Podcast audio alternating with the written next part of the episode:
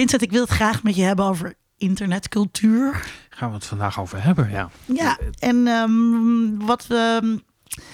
Meestal hebben we altijd wetenschappers te gast, maar vandaag is de gast een journalist. En ik denk eigenlijk dat er niemand is die dit in Nederland onderzoekt van onze collega's. Niet op, op, op haar manier zoals zij erover schrijft. Echt als een, een, een esthetisch fenomeen uh, waar ze het over heeft. Maar ook wel een sociologisch vraag. Nee, ik ken er ook geen voorbeelden van. En we hebben er toch echt naar gekeken. Maar komt, nou, dat, komt dat dan omdat... Uh, omdat het onderwerp te niche is? Is het niet hebben wij deze kennis gewoon in Nederland niet? Ik, ik, ben bang dat er, er zit een soort logica in dat er een soort het, het, het, het nieuwe populaire medium, zoals dat ook ooit uh, uh, voor radio was en later televisie, dat is bedreigend. Dan moeten we niet op deze manier serieus nemen. En dan daar moet flink wat tijd overheen.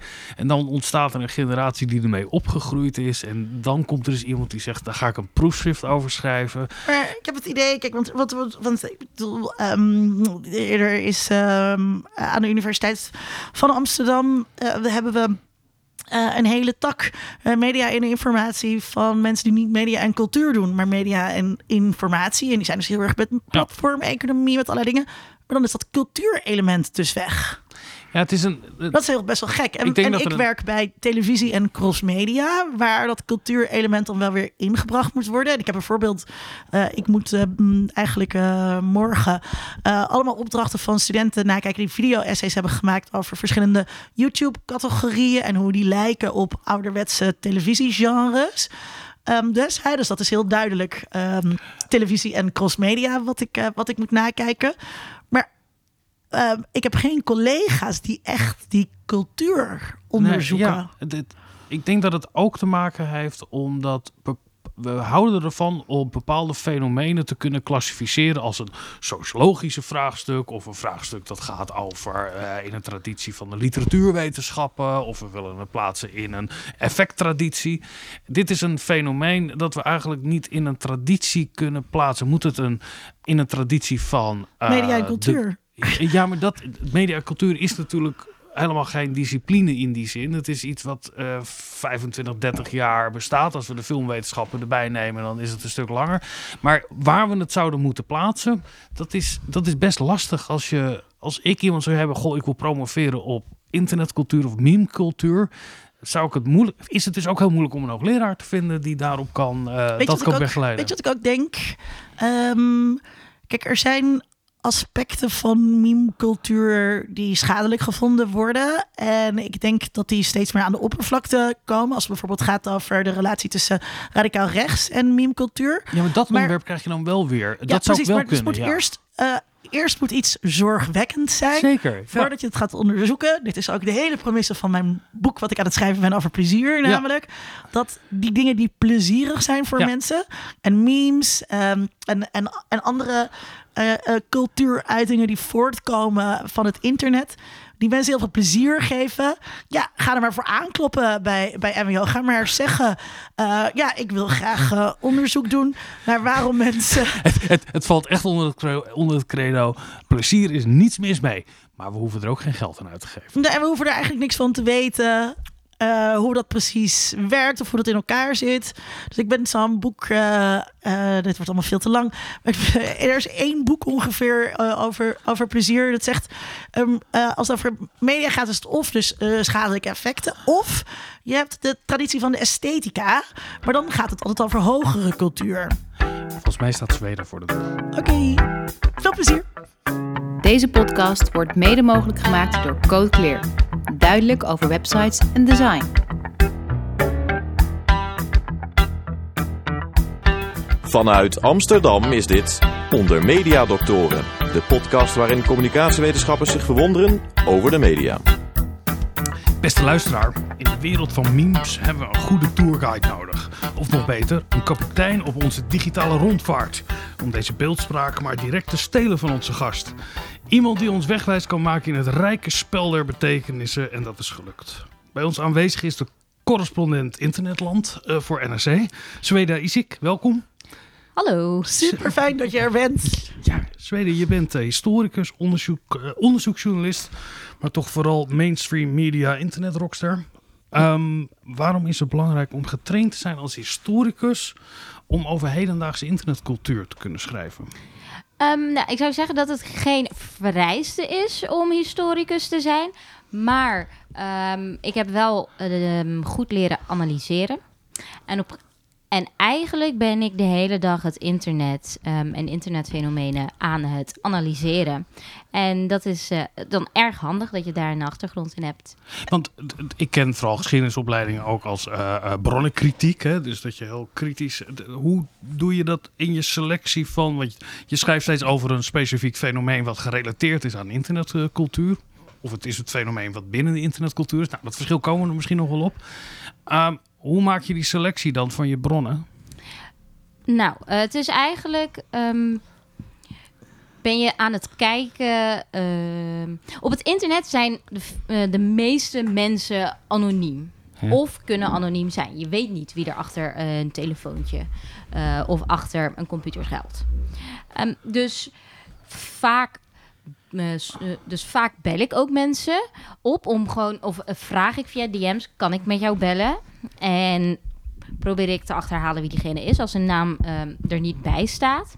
En dan kan je wel checken of het echt gewoon iemand is um, waarmee je iets kunt. Of uh, misschien is het iemand um, die niet te vertrouwen is. Of uh, dan vind je allemaal vuile was over diegene. En, en schrikken die mensen wel eens? Want ik zag in een van je stukken dat je gedM'd had met iemand. Het lijkt mij zo uh, mijn indruk is dat mensen memes toch redelijk anoniem de wereld insturen. En dat die wereld niet noodzakelijk terugpraat tegen jou. Nou, je ziet dat in um, dat op het internet. En als ik het heb over het internet, heb ik het meestal over het internet waar, uh, waar het internet we kunnen bereiken um, via onze telefoons, via Instagram, TikTok. Die mensen zien zichzelf als supersterren. Dus er zijn, ja, er zijn meme-supersterren. Ik heb laatst Jean of Arca. Dat is een uh, Instagram-account uh, geïnterviewd. Ja. En toen ik haar vroeg naar van... hey, wie ben jij en mag ik jou interviewen? Mag ik jou een vraag stellen? Was ze helemaal van wow, ja. En als je wil heb ik ook allemaal foto's. En dan had ze echt geweldige foto's van haarzelf... die ze wilde delen. En een heel verhaal. Dus uh, dat was echt ja, dan zij is een superster. En omdat ik haar ook uh, had gesproken, waren er mensen in de comments op Instagram. Um, van, uh, bij het NRC-account. Die zeiden van, wow, Jan of Arca, je hebt haar gesproken. En het was echt gewoon een soort van uh, bekend persoon. Dit is, ja, nou, dan ga ik zo... Is het een wereld die helemaal langs je heen gaat, Vincent? Nou, wat mij langs mij heen gaat, is dat daar en het is heel begrijpelijk, maar dat daar sterren ook weer uh, in ontstaan. Of dat er auteurschap is, om het maar eens wat academischer uh, te zeggen. Dus dat er een meme is die mensen ook gaan herkennen, neem ik dan aan. Als, en het past ook waarschijnlijk in iemands uh, oeuvre, als je in dat soort termen kan spreken. Maar dat dat zichtbaar is, ja, dat, dat wist ik totaal niet. Dat, en dat, auteurschap, wanneer het gaat over, um, of copyright, wanneer we het hebben over memes. dat, is dit, dat is toch wat anders dan dat, wat we normaal van foto's... Um, van fotografen of zo kennen. Die stel um, iemand gebruikt een foto van een fotograaf zonder hem te vermelden of zonder het te laten weten. Nou, dan kan hij misschien rekenen op een factuur. Maar met memes is dat niet zo. Memes zijn um, eigenlijk principieel gratis. Ze zijn voor iedereen. Ze zijn van het internet en ze zijn eigenlijk. Het intellectueel eigendom wat daar uh, dan aan vast zou zitten. Die, dat bedoel je? Of? Ja, er is, uh, er is geen sprake van intellectueel eigendom. Ja. Um, zodra het op het internet als meme wordt gedeeld, is het van iedereen. Is het van ons allemaal. In um, de geweldige podcast Wie is Emmy? Heb je die toevallig geluisterd? Nee. Uh, is wel echt een aanrader voor, voor alle luisteraars. Het is een podcast over het meest bizarre kleurboek voor volwassenen ooit. een soort zoektocht. Maar er zit dus, ja. ja, nee, maar, ja, dat is het dus echt, het is echt heel erg leuk. Maar er zit één aflevering um, in waarin uh, Jules de Keizer uh, uh, wordt geïnterviewd. En hij maakt heel veel memes. En dat gaat over het meisje met de prei. Uh, ik weet dat misschien een beetje voor jouw uh, tijd. Ken je het meisje met de prei? Ja, dus, Um, dat meisje dat ging jodelen, ja, toch? precies. Ja, dus het is een, uh, het is een beeld uit een Japanse anime. Ja. Waar een muziekje ondergezet is weer door iemand anders. Wat, wat, je, wat jij wel kent, want het is uit die ringtone-tijd. Uh, dat, dat, dat je daarmee doodgegooid werd met die ringtone-reclames. En um, iemand heeft dus die twee dingen samengebracht in uh, een beeld. Um, wat, vervolgens heel, wat vervolgens viraal ging. En door een bepaalde generatie dus heel erg gekend werd. Ja, en uh, laat me je even ik laten zien. ja. Ik heb hem even opgezocht. Ja, ja. het is oh, een... Uh, dat wist ik niet eens. Ik, klassiek jaren 80 ja. Japanse... Kan je, kan je het afspelen en dicht bij de microfoon houden? Dan gaat, gaan alle onze luisteraars haten dat we dit niet gewoon erin gemonteerd hebben. Weet je dat? Ja, dit ken ik wel. dit is weer een variant erop, maar we zetten hem in de show notes, ja. Nee, ik zet hem niet in de show notes. Oh. Mensen kennen dit gewoon. Oh, nou, nou ja. Je gaat ook niet in de show notes zetten van Thailand is een land in Azië. We doen even een kaartje erbij.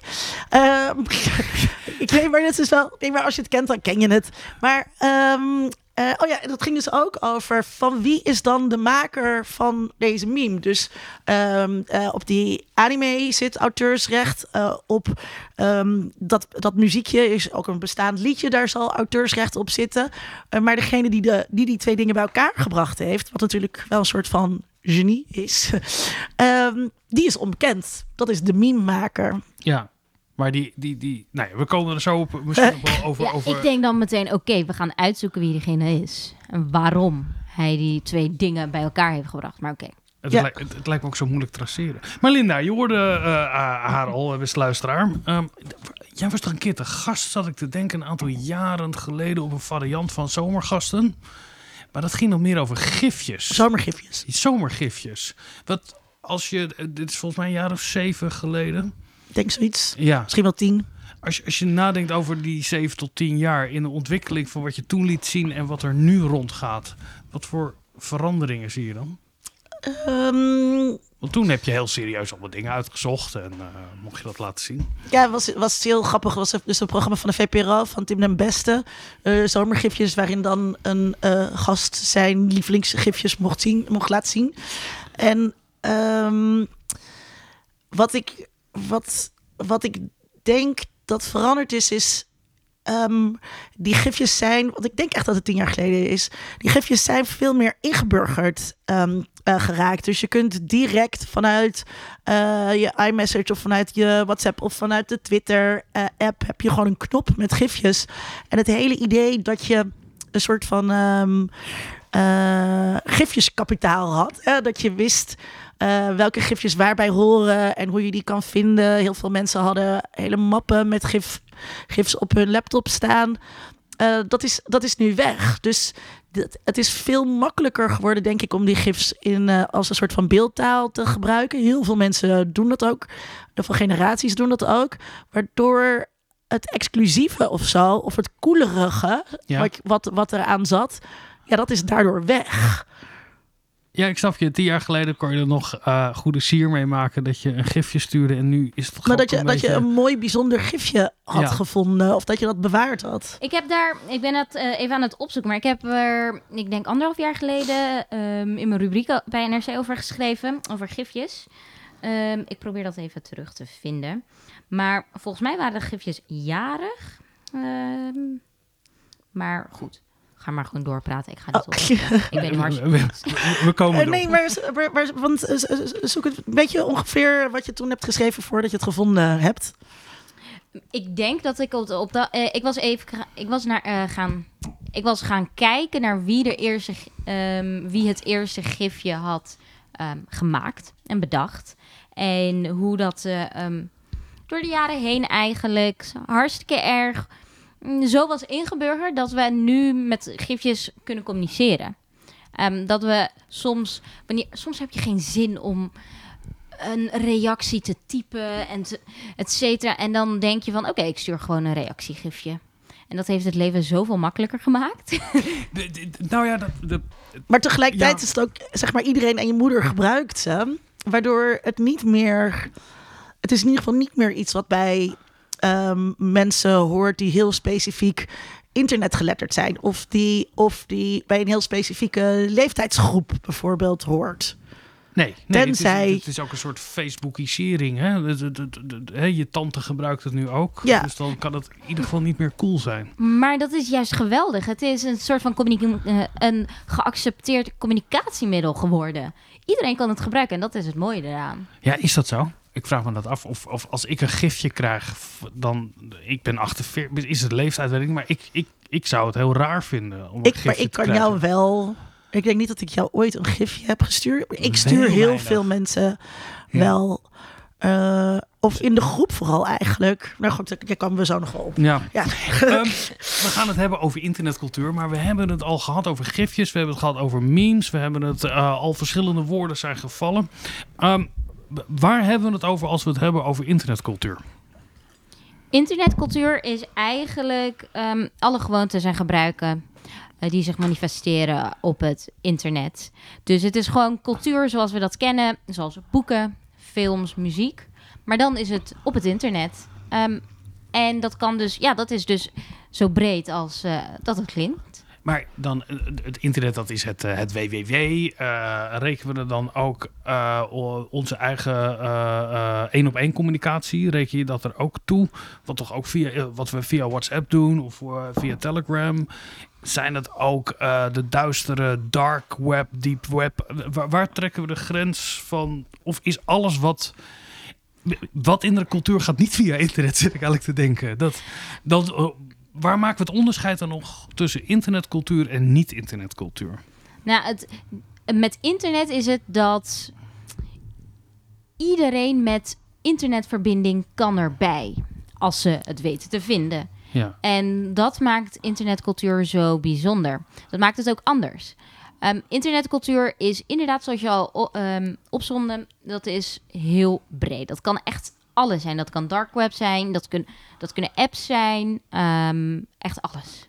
Maar uh, hoe, hoe, zou jij dat definiëren, Linda? Ja, op, op dezelfde manier. Kijk, ik denk wat, wat, ik, wat ik wel interessant vind wat ook door die, wat ook door die ook wel een beetje aansluit van wat ik, bij wat ik net zei. Um, er was een tijd dat het internet niet van iedereen was. Toen kon wel iedereen er natuurlijk op, maar niet iedereen gebruikte het. En, en dat is gewoon nu niet meer zo. Dus iedereen zit op het internet. En uh, die, dus de subcultuur die er eerst hing, die een beetje geeky was. Um, ja, die, die bestaat gewoon niet meer. En dat is natuurlijk ook Um, terwijl er tegelijkertijd, als ik denk aan internetcultuur, dan denk ik wel heel specifiek aan Reddit of uh, Ninegag. Aan mensen die dus memevaardig zijn, die daar kennis over hebben. Dan denk ik niet, bij internetcultuur denk ik niet aan uh, jouw moeder die um, een e-mail stuurt aan. Uh, nee, ik zit te denken. Ik, ja. ik, ik, lees heel netjes NRC natuurlijk. Uh, want ja, anders hadden we je nooit mogen uitnodigen. Maar uh, dat, dat lees ik online. Is daarmee NRC ook internetcultuur geworden? Oeh, dat is een hele goede vraag. Ik ben nu even aan het nadenken. NRC is, is dat onderdeel van internetcultuur. Nou, dat zou dus betekenen dat. Um, ik, ik denk dat het misschien wel zo kan zijn, omdat het is online um, en het kan online een eigen leven leiden.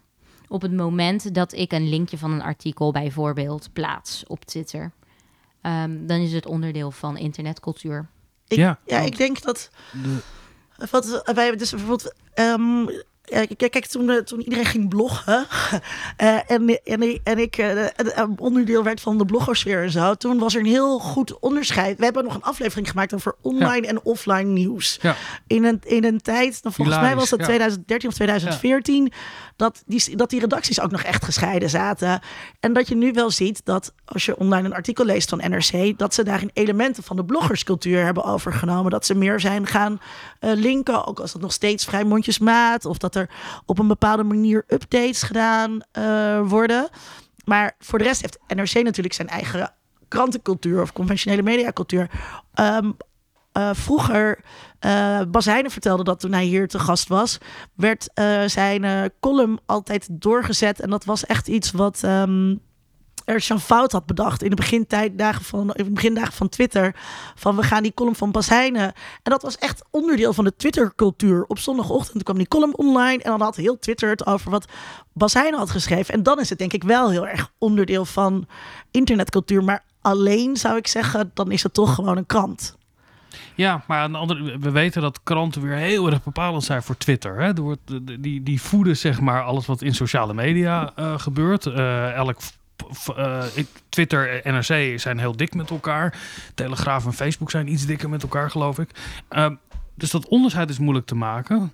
Uh, toch heb ik bij het idee bij internetcultuur dat het toch wel hele. Nou ja, bijvoorbeeld het samplen, uh, hergebruik van, van, van dingen. Uh, een, een, een spel van betekenissen die nooit zo eenduidig is. Je hoopt dat als NRC een artikel schrijft, als jij een stuk voor de NRC schrijft, dan is dat niet dubbelzinnig. Ik denk... Het, het, waar zit daar dan dat internetculturele um, in? Ik denk wanneer we denken aan um, internetcultuur, zoals jullie al eh, zeiden, denken we aan specifieke dingen op bijvoorbeeld Reddit of 9gag.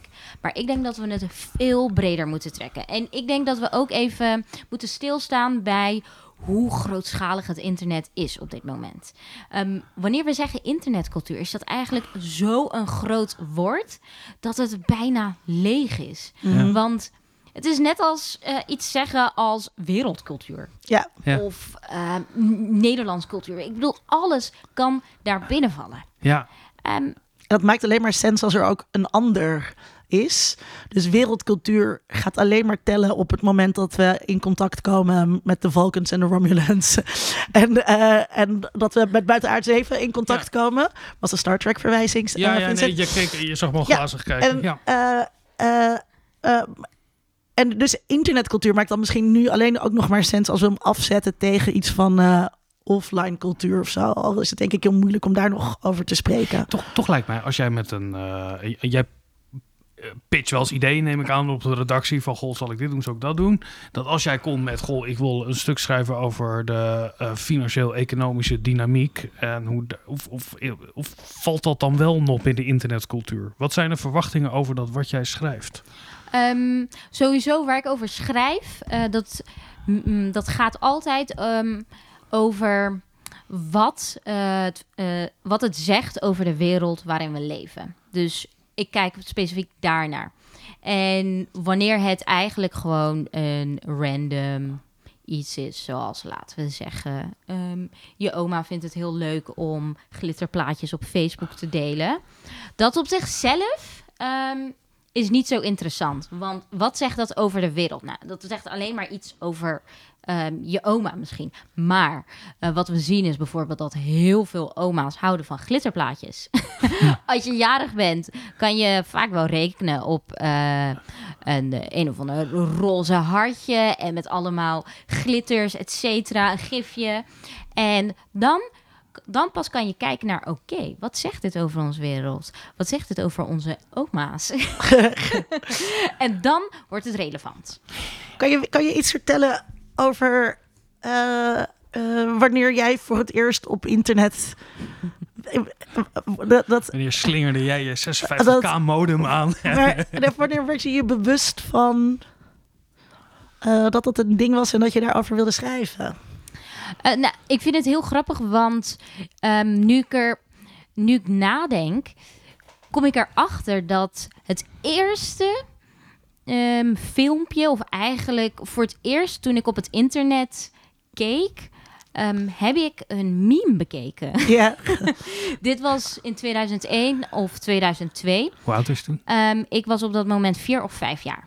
En we hadden thuis een computer uh, en we hadden internet, want ik, uh, ik had een oudere broer die dat gebruikte voor zijn studie. En ik herinner me dat we daar met mijn uh, neefjes en nichtjes um, achter de computer zaten en dat we naar lagaluga.com En dat was een... Ken jij dat? Of... Nee. Oh, oh ja. nee, dat had ik ook niet verwacht, want dat is een Turkse... Dat was een Turks website waarop je naar grappige dingen kun, uh, kon kijken. Grappige filmpjes of grappige foto's.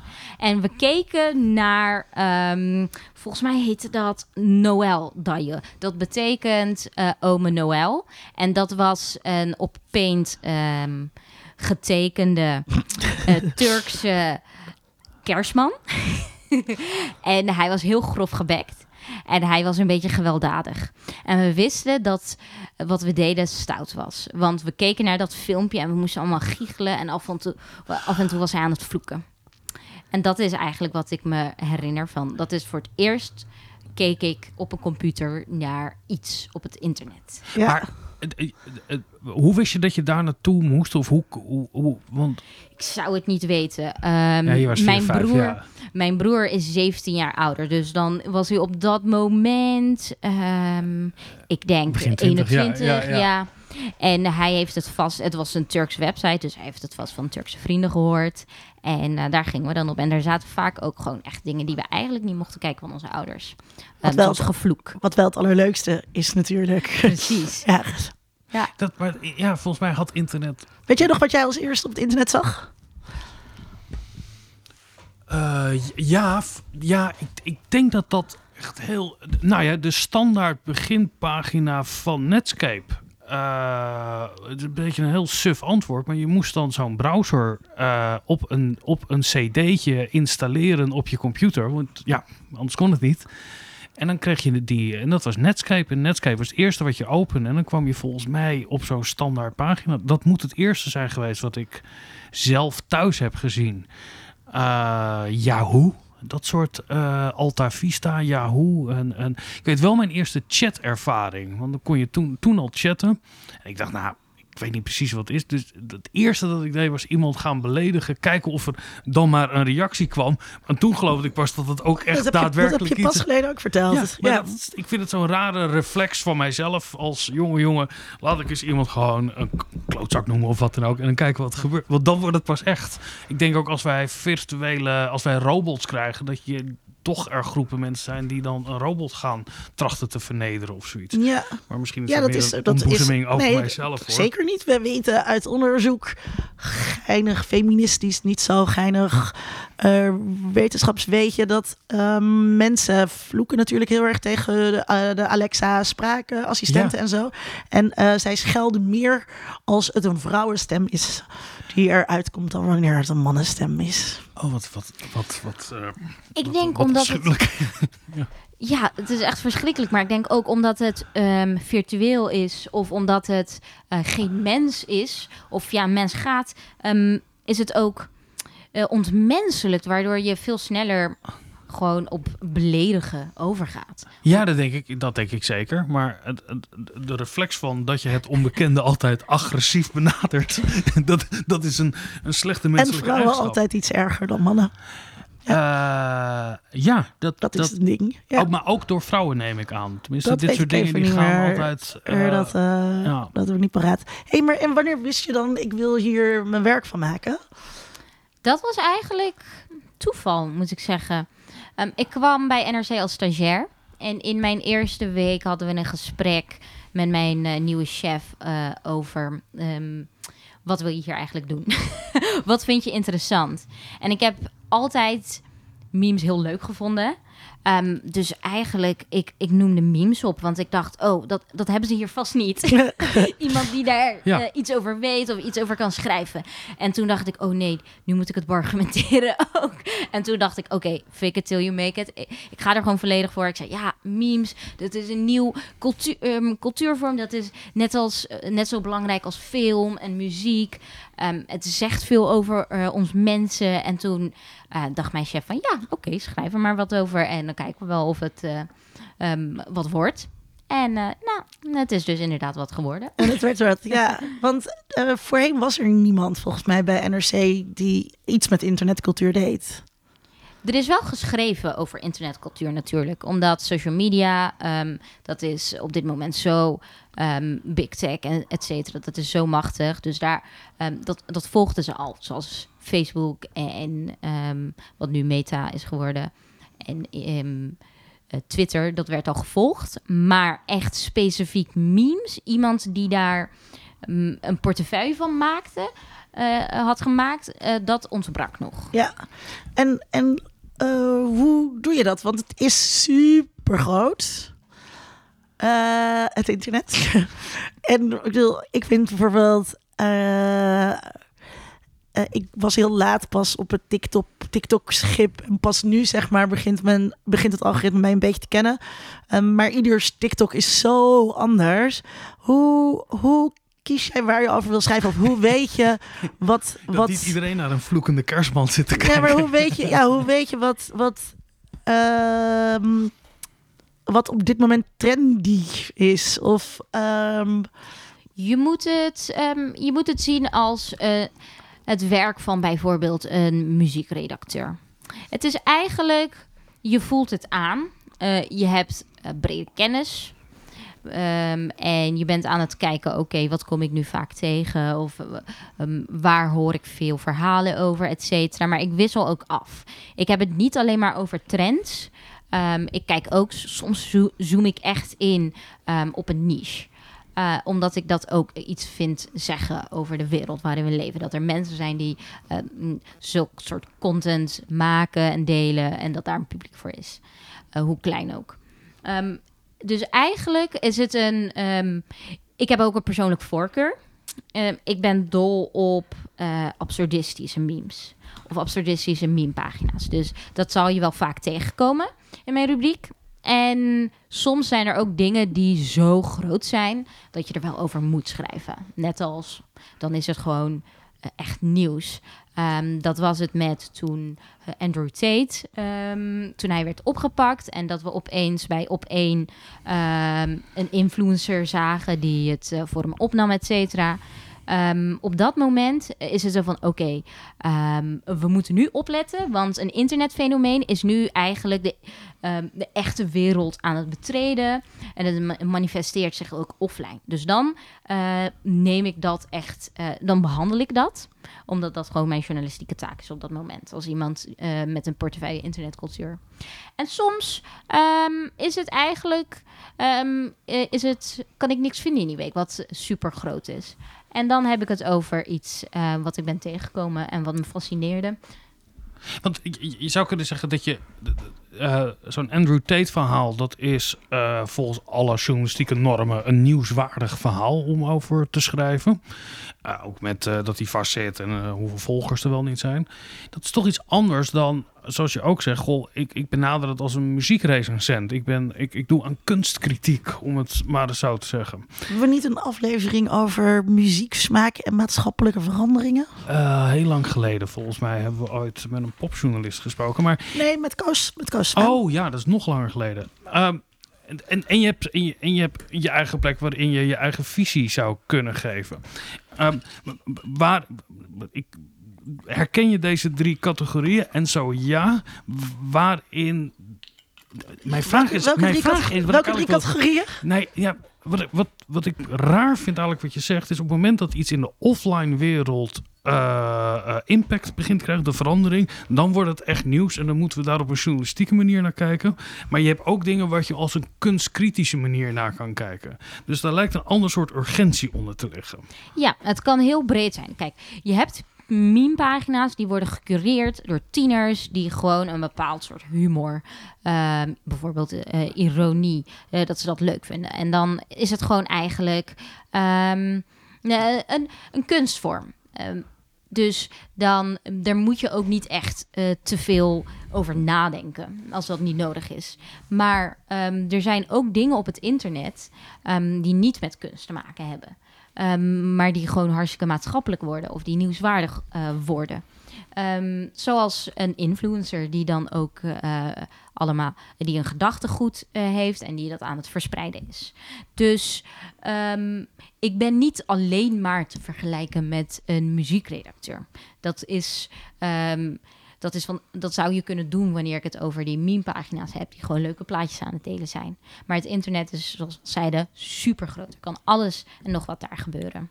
En op het moment dat we bijvoorbeeld iemand over een Andrew Tate-fan die aanschrijft bij een talkshow hebben, dan is mijn meerwaarde op dat moment dat ik, het, um, dat ik de online context ken. Um, ik weet dan uh, ongeveer um, waar de dingen die hij uh, uh, waar de dingen waar hij het over heeft vandaan komen. Maar dat is inderdaad als een uh, oh, Oké, ik trap op het krappaaltje van de katten. Ehm, dat is echt wat een correspondent inderdaad doet. Dat uh, uh, als je uh, correspondent Turkije was geweest, dan had je ook gezegd: ik ken de cultuur, ik spreek de taal, ik weet wat er gaande is. Nu maak ik een keer een rubriek over iets wat esthetisch is, en nu maak ik een, schrijf ik een stuk over de politieke situatie. En misschien schrijf ik daarna wel een stuk over hoe muziek en die politieke situatie samen vergroeid zijn. Ja, toch is het wonderlijk natuurlijk dat een correspondent in, laten we zeggen, de Verenigde Staten, die moet toegang geven tot wat daar gebeurt. Terwijl als je uh, een correspondent bent van, van internetland, zeg maar, dat is ook hier internetland. Het is nooit ver weg. De, de, de, de, dualiteit van er zijn dingen die online gebeuren en offline gebeuren. En die beïnvloeden elkaar. Lijkt me zo uh, oneigenlijk onderscheid. Het is toch soms juist wel ver weg. Want um, bedoel, als jij schrijft over een bepaalde esthetiek op TikTok. Dat zijn allemaal dingen die allemaal langs mij heen gaan. Daar heb ik een correspondent voor nodig. Ja, ja. Ja, dat is waar. Zeker dat esthetische, de, de ontwikkelingen daarin, dat zie ik daar ook wel. Er is ook internetgeschiedenis, hè? Bijvoorbeeld de dingen die um, masculiniteitscoaches vandaag de dag uh, op internet zeggen. Uh, zoals um, er is een uh, soort van uh, heel. Een soort van wrange vergelijking van dat. dat hoor je nu veel tienerjongens zeggen. die fan zijn van Andrew Tate. Van wanneer een vrouw. Um, even kijken. Wanneer een, um, een, een vrouw. Als, even kijken, ik ben even aan het nadenken over hoe ik dit kan brengen zonder um, dat het weird wordt. het werd al weird bij Andrew Tate. Ja. ja. Nou, er klopte een moeder aan bij NRC met help, mijn zoon is Andrew Tate fan. En um, hij zegt dingen als een vrouw is als een uh, slot als er veel sleutels op passen, dan is zo'n slot kapot. en um, een man is als een sleutel. Um, als hij maar één deur opent, is dat, nah, dat valt het mee. Maar als je met één sleutel superveel deuren kan openen, dan is dat een masterkey. Um, dit is dan een jongen die dit zegt. Uh, en zijn moeder uh, weet, hij is een Tate-fan. Help. En dan denk ik, aha, ik heb dit in 2015 op een The Red Pill uh, forum uh, op Reddit ben ik dit tegengekomen. En dat was op dat moment een Men's Right Movement um, uh, platform eigenlijk. Um, bijeenkomstplaats. En dat, dat had dan weer um, invloeden van alt-right. En uh, dat had te maken met mannen die in complottheorieën geloofden, et cetera. En dan heb je eigenlijk een soort van internetkennis nodig. Ja. En dat is denk ik ook, ik vroeg net voor de uitzending of je wel eens bij, uh, bij vandaag al bent aangeschoven. Groetjes aan Iris Verhulstonk als je dit uh, hoort. Dat um, zo onwaarschijnlijk is dat natuurlijk helemaal niet, omdat je ziet dat um, bijvoorbeeld uh, Forum voor Democratie, Thierry Baudet heel goed die uh, taal spreekt van um, uh, de, de um, men's rights movement. Uh, heel goed ook memes kan gebruiken. Ook een bepaald soort trollerige houding aan kan nemen. Die we kennen van Geen Stijl.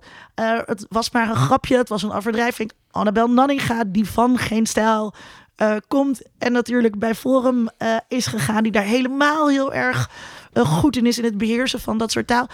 Dus je ziet ook dat allerlei elementen die we kennen uit internetcultuur steeds meer onderdeel worden van de gewone, tussen aanhalingstekens, politieke cultuur. Zoals dat altijd gaat ook met populaire cultuur, maar zou dat, ik zeggen. Dat, dat heeft toch ook weer zijn eigen geschiedenis in 2015. Het idee van, van een soort jongeren die aan het trollen zijn. De, uh, hè, dat we hadden hier in Amsterdam de provo's. Uh, die maakten ook afbeeldingen waar uh, mensen... alleen dat werd dan op bushokjes geplakt. dus dat heeft toch... Het, het is toch niet specifiek een cultuur die is ontstaan omdat internet er is? Het is wel, ik zou zeggen, het is een cultuur die uh, op internet is ontstaan en die heel eigen kenmerken heeft. Dus bijvoorbeeld daarom zijn gifjes zo uh, interessant. Uh, het gifje is een kunstvorm die bestaat dankzij bepaalde technologische mogelijkheden, die echt eigen is aan, aan het internet. Absoluut, maar het idee dat je gaat trollen, of dat je uh, de macht uitdaagt, of dat je dat doet op, uh, door middel van ironie en, en spel, dat is niks nieuws. Uh, maar wat wel nieuw is, is dat mensen volledig anoniem um, dingen konden ze ja. zeggen op het internet. En het is eigenlijk 1 plus 1 is 2. Wanneer mensen anoniem dingen kunnen roepen, dan gaan ze echt. Dan komt echt het slechtste van de mensheid naar boven. En dat is uh, wanneer het begon te escaleren. Um, ze konden alles zeggen en ermee wegkomen ook. Ja, en Dingen, die, dingen die dus nu genormaliseerd zijn. Als je dit echt heel interessant vindt als luisteraar, dan kan ik je een aflevering aanraden uh, die ik in de show notes zal zetten van How Do You Like It So Far? Um, dat is de podcast um, met uh, Jenkins, uh, bekende um, um, media-communicatiewetenschapper, uh, die veel over online cultuur heeft geschreven. En daar is um, Whitney Phillips te gast. En zij deed vroeger onderzoek naar trollen. trollen. en, en, en, en kijkt nu steeds meer naar ja, gewoon mainstream politieke cultuur. Om te zien hoe die elementen zeg maar overgenomen worden. Ja. Ik wil even. Er zit wel iets. Er zit wel. Ja het is, het is meer dan alleen maar. Uh, mensen doen altijd hetzelfde of zo. Ja, ik, ik snap ook best dat er een enorme versnelling heeft plaatsgevonden. Omdat bepaalde aspecten daarvan groter zijn geworden. Maar dingen hebben natuurlijk altijd wel een geschiedenis waar het zich op baseert. Maar daar komen we zo misschien nog wel verder op. Um, even over de, de internetcultuur hadden we het over. Wie geeft de internetcultuur vorm? Mag ik, eerst nog, mag ik eerst nog uh, onder het kopje werk en werkwijze blijven? wil jij even het uh, draaiboek uh, even tot je nemen? Nou ja. Oh ja, de vraag je wilde weten hoeveel je moet uitleggen aan de NRC-groep. Ja. ja, dat vind ik ook wel een goede vraag. Want ja, NRC, dat zijn natuurlijk allemaal hele oude mensen die dat lezen, zoals ik. hoeveel moet je uitleggen? Wie heb je in je hoofd? Voor wie schrijf je? Zo, vijf vragen. Je mag hem zelf kiezen. Ja, ik denk dat het ergens ook wel... Um, ik vind het moeilijk. Want um, we ik wil rekening houden met uh, de NRC-lezers die niet volledig online zijn opgegroeid. Um, en ik wil ook tegelijkertijd niet te uitleggerig zijn. Um, en ik wil ook niet klinken als een schooljuf voor de jonge mensen die NRC lezen. Want dat is, het is gewoon tenenkrommend wanneer zij van mij horen dat ik ja. um, bepaalde dingen uitleg die uh, op een heel, op gewoon een soort van, een, zoals een schooljuf. Um, dus wat ik doe is, um, ik hou het gewoon simpel en duidelijk. Ik hou niet van uh, uh, veel te ingewikkelde of filosofische zinnen, et cetera. Um, en soms kom ik dan bij een woord en dan ga ik dat even in een bijzin uitleggen en dan ga ik door. en dat blijf ik een tijdje doen. En op een gegeven moment uh, ik merk ook dat ik nu met sommige woorden dat ik ze niet echt meer uh, uitleg. Zoals e bij mijn eerste misschien tien uh, rubrieken of stukken voor de rubriek. Um, ging telkens memes uitleggen. Wat zijn memes? Dat zijn. en dan moest ik telkens variëren, zodat het niet, niet altijd hetzelfde was. Zoals um, digitale plaatjes um, die grappig kunnen zijn. Of veelvuldig gedeelde plaatjes op het internet en filmpjes. Um, en op dit moment ben ik um, daarmee gestopt, uh, eigenlijk. Behalve wanneer het uh, niet voor de rubriek is en wanneer ik een groot artikel schrijf, gewoon voor bijvoorbeeld een levenkatern. Dan leg ik het wel nog een keer even uit. Maar op dit moment denk ik bij mijn rubriek. Ik hoop dat mijn uh, trouwe lezers en ook de andere lezers gewoon um, ooit ergens in een rubriek van mij erover hebben ge gelezen en dat ze dat hebben geleerd zo. Want ik bedoel, uh, moeilijke woorden leggen we ook niet altijd uit. Dan denk ik, gebruik een woordenboek. Je gaat ook nu niet meer... Uh, ja, je hoopt ook inderdaad dat mensen iets opsteken... maar je gaat nu ook niet meer uitleggen wat TikTok is of zo... terwijl je dat misschien een paar jaar geleden nog wel zou doen. Ja, en uh, dat ligt ook per... wanneer je een heel groot artikel schrijft over TikTok... dan is het wel handig om dat even uit te leggen, weet je. Dan heb je dat gewoon gehad en dan kan je verder. Um, maar als je het even snel noemt, dan denk ik op een gegeven moment dat zijn uh, ingeburgerde woorden. Um, en als je het echt niet weet, gebruik een online woordenboek. je haalde aan van, goh, ik schrijf voor de jonge NRC-lezer, die moet het niet heel erg uh, uitleggerig schooljuffrig vinden en een, een, generatie die daarvoor zit. Dat, dat vertrekt heel erg vanuit een idee dat internetcultuur ook voor jongeren is of van jongeren of door jongeren is. Dat die daar bekender mee zijn. Is dat zo? Wordt internetcultuur met name door jonge mensen vormgegeven? Um, nee, zeker niet. Ik heb uh, ouders um, die in de 60 zijn. En nou, ik zie dat zij gewoon een heel. Uh, dat zij een eigen bubbel hebben op Facebook. Ja. En dat ze nu ook op Instagram zitten. Dus die gaan ook gewoon mee met het internet en wat daar gebeurt. En die hebben hun eigen bubbels. En uh, die zitten in een soort van subcultuur voor zestigers. Um, en dan zij dan bijvoorbeeld een specifiek uh, Turkse Anatoli Anatolisch um, algoritme waar ze in zitten. Dus nee, ik ga er ook niet vanuit dat uh, mijn um, lezers uh, op hun leeftijd dat, dat ik ze even moet, uh, extra uh, moet helpen en extra veel moet uitleggen. Want ik, ik merk gewoon dat iedereen, um, omdat internet overal is, ermee leert omgaan.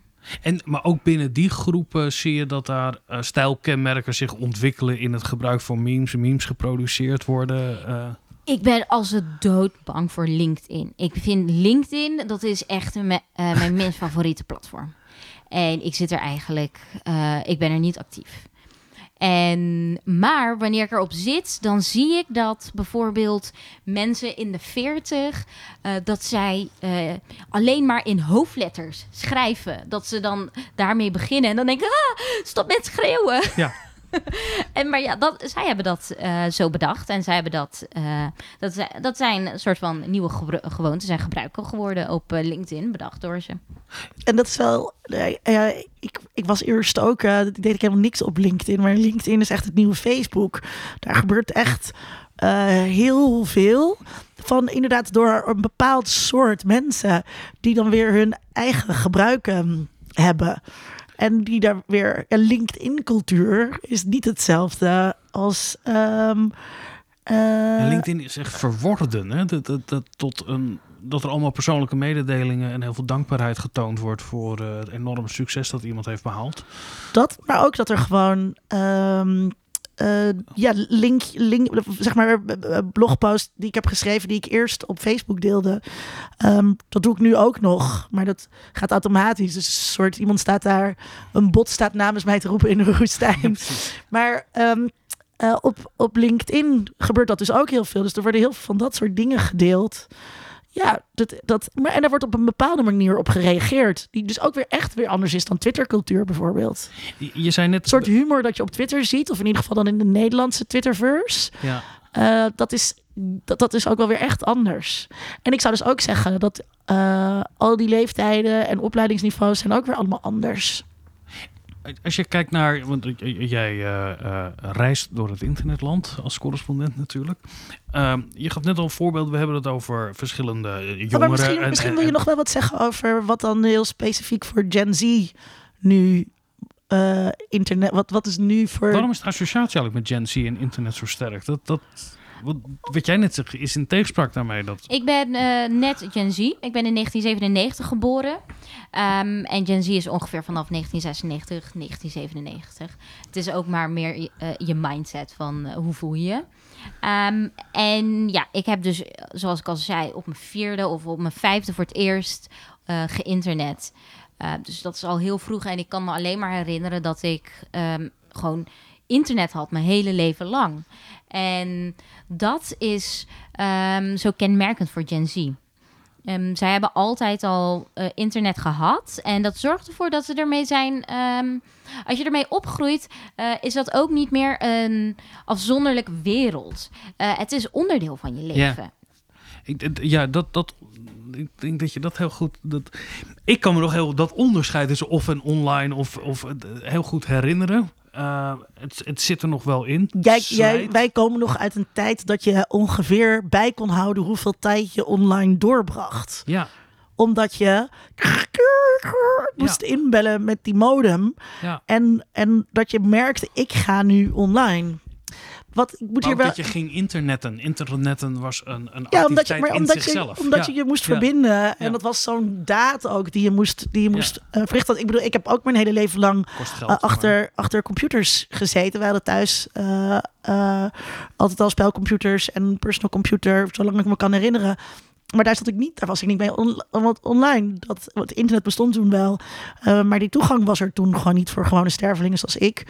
Ik moet dus hierbij wel even zeggen als een soort verplicht uh, disclaimer. Er wordt vaak gesproken over digital natives. Dat werd al over millennials, werd dat al eigenlijk gezegd. Hè? Die zijn, uh, zijn opgegroeid met al deze technologie. Um, en uh, dat, is een, dat is een misleidende term waar mediawetenschappers die zich met jongeren en kinderen bezighouden niet van houden. Omdat dat uh, de schijn wekt dat jongeren heel goed zijn met uh, technologie. En uh, dat, dat is niet vanzelfsprekend.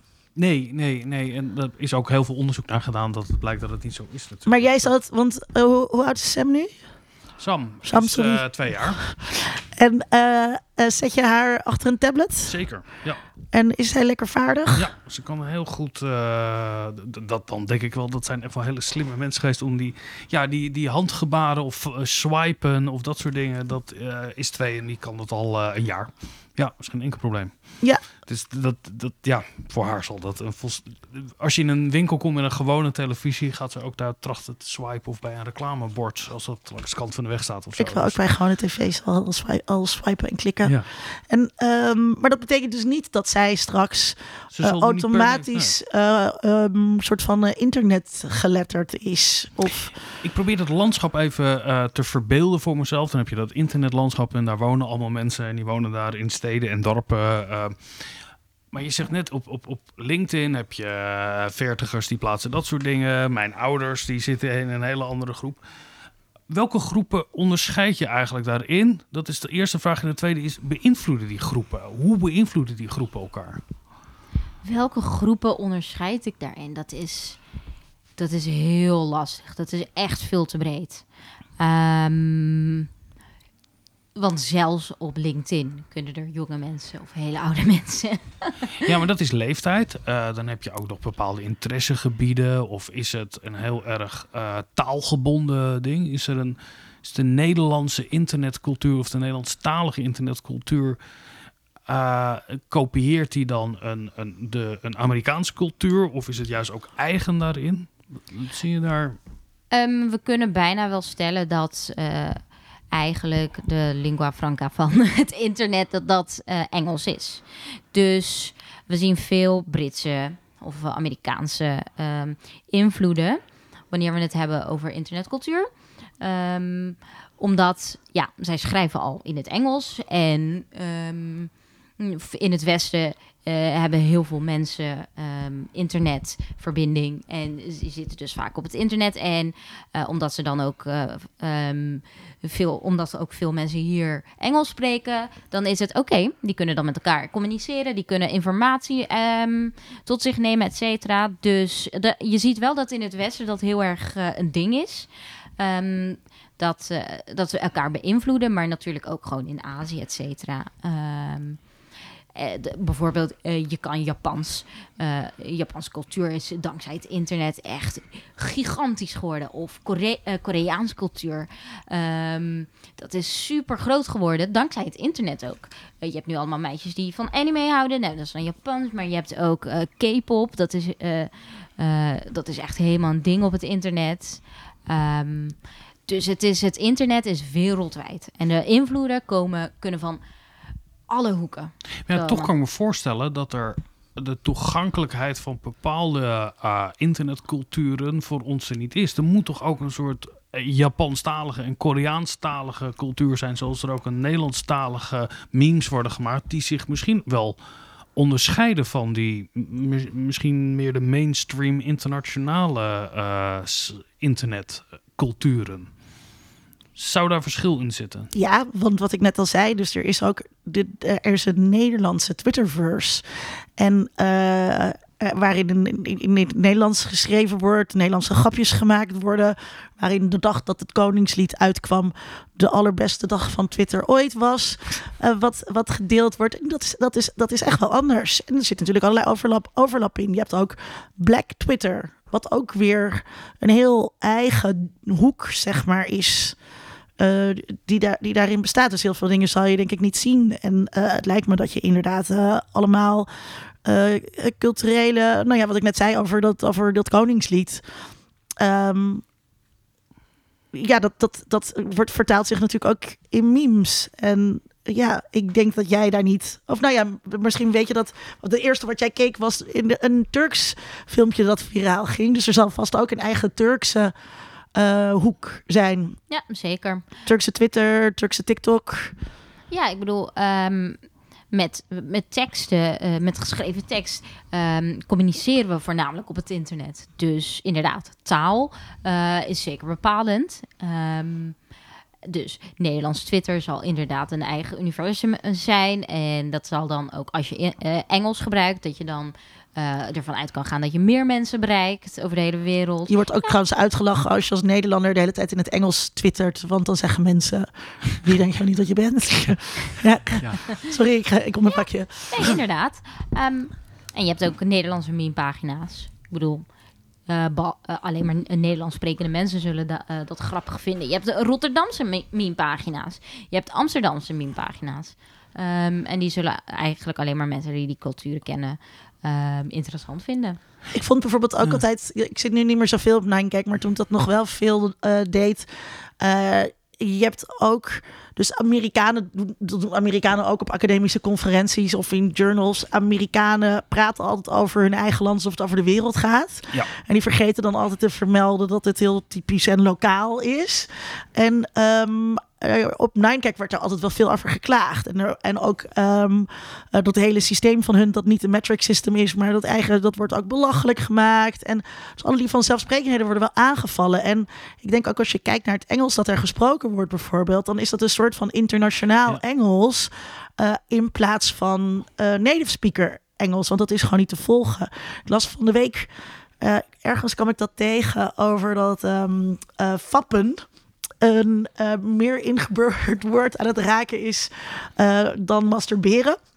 Ken je de, de FAP? Ja, ja, ja ik, ken, ik ken het. Hè? Ja. Ik weet en, alleen niet waar het vandaan komt. Is het, is het, het klinkt heel Nederlands. Maar weet jij waar het vandaan komt? Volgens mij gewoon van een plaatje wat ooit...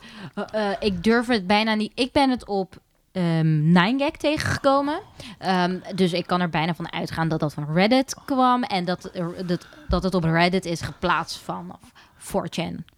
Um, en dat was gewoon uh, uh, een jongetje die zichzelf aan het be bevredigen was. En um, dan het geluid, ja. fap, fap, fap, uh, werd er dan bijgezet. En ja. toen werd het... Achter de computer zat die jongen, toch? ja, volgens mij wel.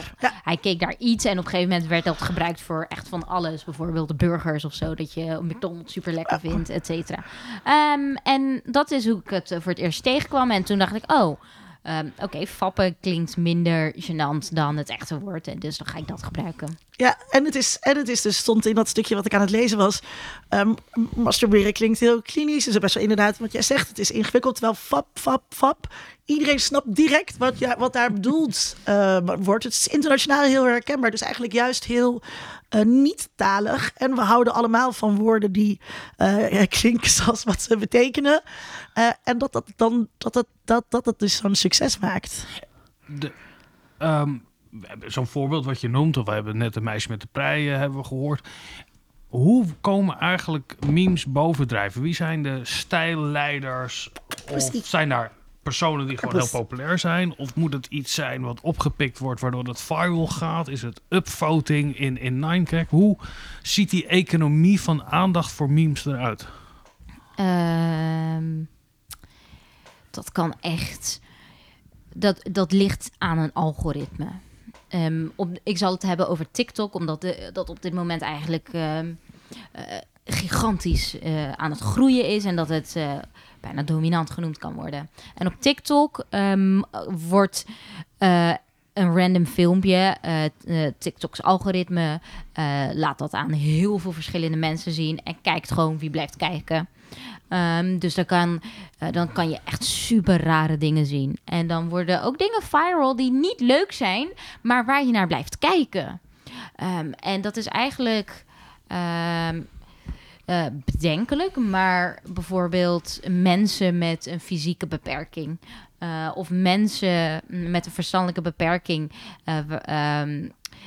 die ook daar in beeld mee herkend kunnen worden. Mensen blijven daar naar kijken. Nee, dus dat is een groot groep. Er is heel veel content. Ja. En dat uh, ontvangt superveel likes. Ehm, dus de, per algoritme is het anders. En bijvoorbeeld op 9gag voor een meme om succesvol te zijn, um, moest die gewoon echt goed zijn. Ehm, en dan had je ook superberoemde mensen die. Omdat het meer gedaan wordt door menselijk upvoting dan door een algoritme. Ja, precies. Ja, dat, is, dat geeft dan eigenlijk een soort kwaliteitskeurmerk. Uh, Interessant, ja. ja. Want als, ik heb wel eens gekeken op TikTok. Uh, het, het, het, het gekke is dat er zit een soort kwaliteit in het filmpje zelf. Maar het is niet zo dat hele populaire TikTokkers elk filmpje altijd populair wordt, lijkt het. Uh, omdat ze daar niet altijd invloed op hebben. Um, gaat het dan uiteindelijk over de esthetische kwaliteit van het filmpje of de meme? Of zijn er ook gewoon echt stijlleiders die iedereen... Hoe heet ze? Bella Porsche of wat dan ook. Die haalde dan 7 miljard views of wat dan ook. Viel mij wel eens op dat ze een paar filmpjes heel populair was. Maar niet per definitie alles wat zij maakt wordt dan heel veel bekeken. Hoe zit dat tussen die, de maker, de populariteit van de maker en de populariteit van dat wat gemaakt wordt? Op TikTok's algoritme is nog grotendeels, ja, dat is gewoon een paradox, weet je. Eh, we weten er, ehm, er zijn onderzoeken geweest waar journalisten zijn gaan kijken naar, oké, ehm, wat kom je tegen, waarom kom je iets tegen? En er zijn vermoedens, maar we weten het niet zeker. Ehm, maar er zijn wel dingen van, ja, als je blijft kijken en het maakt niet uit waarom je kijkt, dan uh, wordt je filmpje populair. En ja, dat kan, er kan een reden zijn waarom mensen niet naar iets kijken. Uh, niet naar iets willen blijven kijken. En dan uh, wordt het niet succesvol. Maakt niet uit hoe groot jouw account, uh, account is. Ja, want het is natuurlijk heel anders dan YouTube. waar je echt de sterren hebt en mensen zich daarop abonneren. Je kan natuurlijk op TikTok ook wel abonneren, maar, maar kijk, er zit YouTube, een andere logica achter. Bij um, YouTube heb je een beginpagina waar um, YouTube, toen wij de aflevering maakten over vloggers, weet het ook weer, YouTube-sterren hebben we dat toen genoemd in 2015. Um, uh, YouTube bepaalde daar wie zij tot sterren wilden maken. Ze, ze, hebben zelf Enzo Knol ontdekt en, en, en, een, en, en een soort van voorkeurspositie gegeven op, op die beginpagina die je open doet als je YouTube opent. Bij TikTok um, heb je uh, een, uh, een, een nieuwsfeed of hoe zeg je dat, een feed op basis van de mensen die je volgt. Maar aan het begin volg je natuurlijk nog helemaal niemand. Dan heb je een for you. En, en daar, daar gaat het algoritme, komt er heel snel achter wat je leuk vindt. En um, het geeft dus ook de mogelijkheid aan mensen om, nou ja, dat hele idee waar we het in die aflevering over YouTube-sterren ook hebben, om van uh, zero tot hero te gaan. Om dus redelijk onbekend uh, in één keer heel veel views te halen. Dus um, uh, Sarah Boefaris, mijn beste vriendinnetje, die is net een, een TikTok, zij is strafrechtadvocaat, ze is net een TikTok-kanaal begonnen. En haar eerste filmpje haalde gewoon zoveel views. Ik weet niet dat echt binnen no time had ze 11.000 volgers. Er staan nu drie, drie filmpjes van haar uh, op TikTok. Dus haar uh, handle is advocaat Boef. en um, even, even promo voor haar. Maar dat is dus heel insane. Echt uit het niet. Had echt, zij volgde zelf zes mensen. En, en, dat, en dat kan dus. Dankzij dat ontdekkingsalgoritme. En dat als een paar mensen dat dus helemaal blijkbaar afkijken dan komt het dus in meer mensen hun feed terecht. Mensen delen natuurlijk ook heel veel filmpjes, sturen ze door. Um, aan mensen die ze zelf volgen of op andere, op andere um, platformen. Dus dat merkt TikTok natuurlijk ook. En deze filmpjes worden gedownload en gedeeld. Dat is zo anders dan hoe een YouTube-algoritme werkt. Om, om of anders. Een soort beginnerssucces ja, aan mensen te kunnen geven. Of anders dan hoe, ja. dan hoe Twitter werkt. En, en dat hele idee dat je dus zo uit, uit het ogenschijnlijk niet heel veel volgers kunt, uh, kunt krijgen. En dus heel populair kunt worden. Maakte het dus ook heel interessant voor een nieuwe generatie influencers.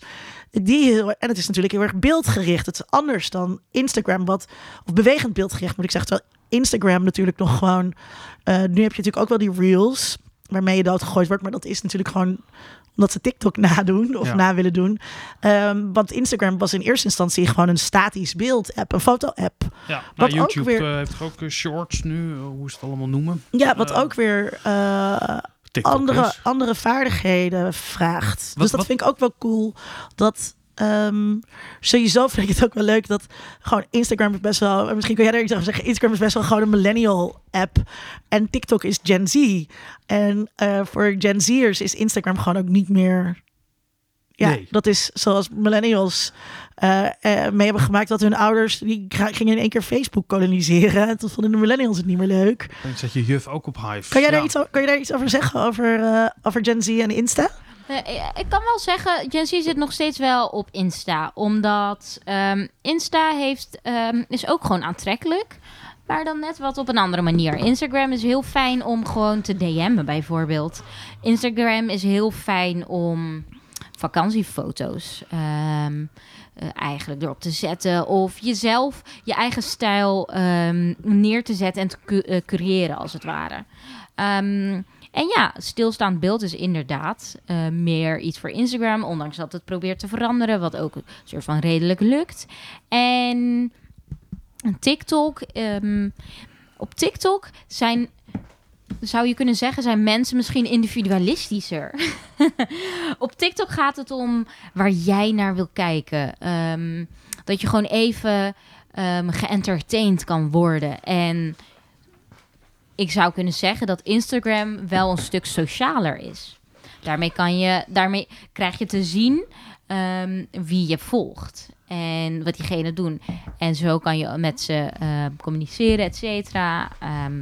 En TikTok, ja, zoals ik al zei. Wat, wat denk je, wat, even, die, dit is een hele moeilijke vraag, maar als de cultuur gecureerd wordt door algoritmes in tegenstelling tot upvotes of populariteit, laat staan dat er een soort professionele curatie is, wat je natuurlijk daarvoor al had. Hè? Dat je gewoon websites had met allemaal grappige uh, plaatjes gewoon op een rijtje.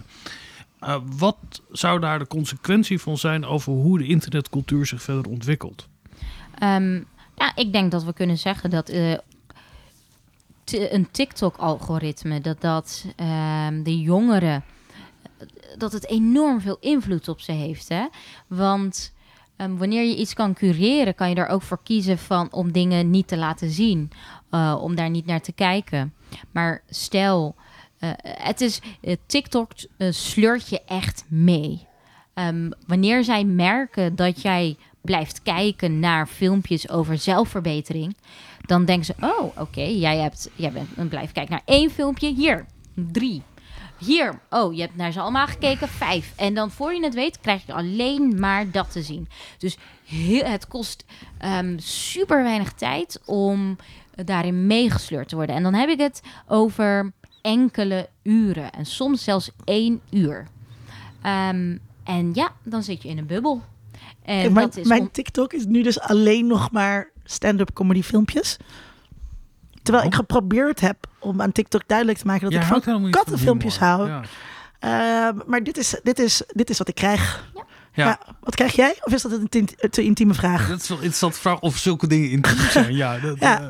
Ik krijg uh, Lana Del Rey te zien. Um, ik krijg veel tieners te zien die um, eh, er, uh, die een make-up make doen en dat ze tegelijkertijd naar Lana Del Rey aan het luisteren zijn. Of ik krijg van Lana Del Rey core, um, dan is het een vibe uh, van Lana Del Rey of een liedje van haar. Dat krijg ik vooral te zien. En nou, ik kan uh, uh, zomaar even eigenlijk raden wie een van mijn favoriete artiesten is op dit moment. Ja. Uh, want dat kan straks ook gewoon iets anders zijn. Ik heb ook op Messi Star Talk gezeten heel lang. Messi Star, dat is uit de jaren negentig een, een dreampop artiest. ja, het is eigenlijk, ze is ze, is ze was bekend, maar nooit echt mainstream. Maar ik vind, uh, ik vind haar leuk. Ooit naar een aantal filmpjes gekeken. En dus ik zat um, op Messi Star Talk. hey, kan het ook... Um, kan het ook veranderen? Want je zegt Lana Del Rey, of nou dat zei je niet, maar dat bedoel je wel. Lana Del Rey is nu je favoriete artiest. Uh, kan je TikTok ook makkelijk uh, dat ontleren? Ja, ik bedoel, stel, uh, ze gaan nog steeds proberen om uh, filmpjes uh, aan je te vertonen die, niet binnen jouw algoritme um, passen, maar waarvan ze wel denken: oké, ik ben benieuwd wat Zweda hiervan gaat vinden. Dus inderdaad, als ik daar naar zou kijken, dan zou het kunnen. Je ziet ook vaak dat populaire filmpjes ehm, van bijvoorbeeld Nederlandse artiesten, dat ze mij proberen dat te laten zien. En als ik er naar zou kijken, dan zou ik dat, daar meer van kunnen krijgen. Ja, ik las, ik las een stuk uh, over, over, over, over algoritme. Dus het ging over. Uh, dus degene die het had geschreven haar vader had gehoord dat hij ongeneeslijk ziek was. Dus zij ging daar allerlei informatie over zoeken. En ook over rouw. Omdat ze bang was um, dat hij zou komen te overlijden. En op een gegeven moment veranderde haar hele internet. Dus, dus haar Google, haar uh, uh, sociale platforms. Doom en gloom. Veranderde dus. En, en aanvankelijk wilde ze dat dus. En kon ze er geen genoeg van krijgen. En op een gegeven moment um, bleef... Um, of nee, haar vader was of dood gegaan of hij bleef leven. Anyways, um, ze, ze, op een gegeven moment was ze klaar met die rouw. En, uh, maar dat, wist, dat kreeg ze haar algoritme dus niet duidelijk gemaakt. En toen werd het vervelend, want toen bleef ze al die content uh, maar zien. Ja, ik, kijk, ik heb op een gegeven moment heel veel kookfilmpjes gekeken van een aantal uh, op TikTok. En ik krijg dus alleen nog maar kookfilmpjes te zien over iemand. Ja, jij zei voor de uitzending: heel snel kook, kookfilmpjes zijn een ding. Ik zie nooit kookfilmpjes. Nou ja, dat is ook zo gek dat ik denk het is een ding. Dat is het misschien helemaal geen ding. Het is bij mij een ding geworden. Maar het is interessant is of je er ook... Is het een ding, kookfilmpjes? Uh, ja, dat is een ding. Um, maar dat maakt, eh, dat maakt mijn werk ook zo lastig. Alles kan een ding zijn op het internet. En dan is het gewoon een legitiem ding. Ja. en dan, ja. en dan is er iemand. Iedereen is tegenwoordig vogelspotter. Wat er En iemand reageert dan onder mijn artikel van: dat heb ik nog nooit gezien. Onzin, flipjournalist. Ja. En dan denk ik. Ah, nee, dat is niet zo. Ja. ja, maar dat maakt jouw werk natuurlijk ook wel heel moeilijk. Kijk, als je uh, kunstcriticus bent, dan heb je een uh, vermeer tentoonstelling. Daar ga je heen. Iedereen weet dat het uh, daar hangt. Dan hangen 27 doeken en daar gaat dan een half miljoen mensen heen. Daar is een soort logisch dat dat er is, maar jij beschrijft een fenomeen dat altijd door, ook door jouw ogen bestaat. Dat maar dat is toch in de kunstwereld ook? Er is toch ook altijd een ja, avant-garde? Ja, maar dat, zelfs wat je ziet is... Kijk, als je die vergelijking wil doortrekken, is op het moment dat jij uh, het stedelijk binnenloopt en alle schilderijen zijn op basis van de eerdere schilderijen die je hebt gezien, uh, komen daar te hangen, uh, die jij aangenaam vindt. dat is natuurlijk een hele andere ervaring om daar als criticus naar te kijken dan als er gewoon een, een tentoonstelling is die jij ook ziet. Dat... Um, maar dan is het ook mijn werk om eigenlijk bijvoorbeeld mijn algoritme te trainen iets anders te zien. Um, daar zal ik inhoudelijk niet veel over zeggen. maar um, ik ben mijn um, TikTok-algoritme uh, aan het trainen. Ik, ja, ik, ik, creëer dan personen. En die, die hebben dan een naam en die, uh, een bepaald soort leeftijd. En dan uh, bepaal ik wat diegene leuk vindt. En dan ga ik daarmee scrollen op Oh, je hebt TikTok. meerdere accounts.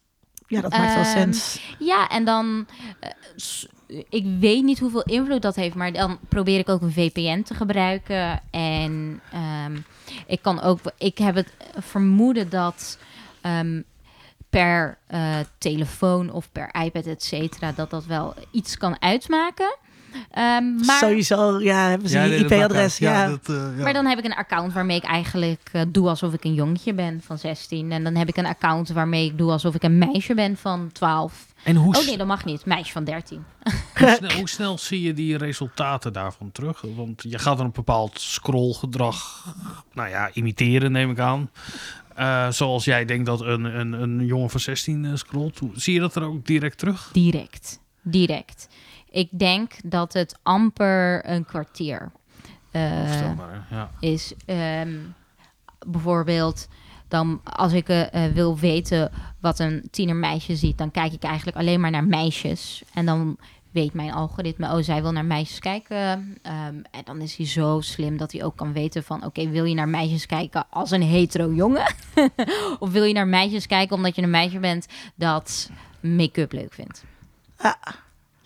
Ja, en dat is dus, ik vind dat um, die onduidelijkheid, of dus aan de ene kant is hoe goed dat algoritme is, en aan de andere kant, of samen hangt daarmee, de onduidelijkheid van dat we niet precies weten waar, waarop dat algoritme, wat jij ook nou zegt, hè, dat je het een beetje, um, ik weet niet zeker of je IP-adres, maar waarschijnlijk wel, dus probeer dat een beetje tegen te houden dat, is, dat is natuurlijk een enorm probleem van deze grote techbedrijven.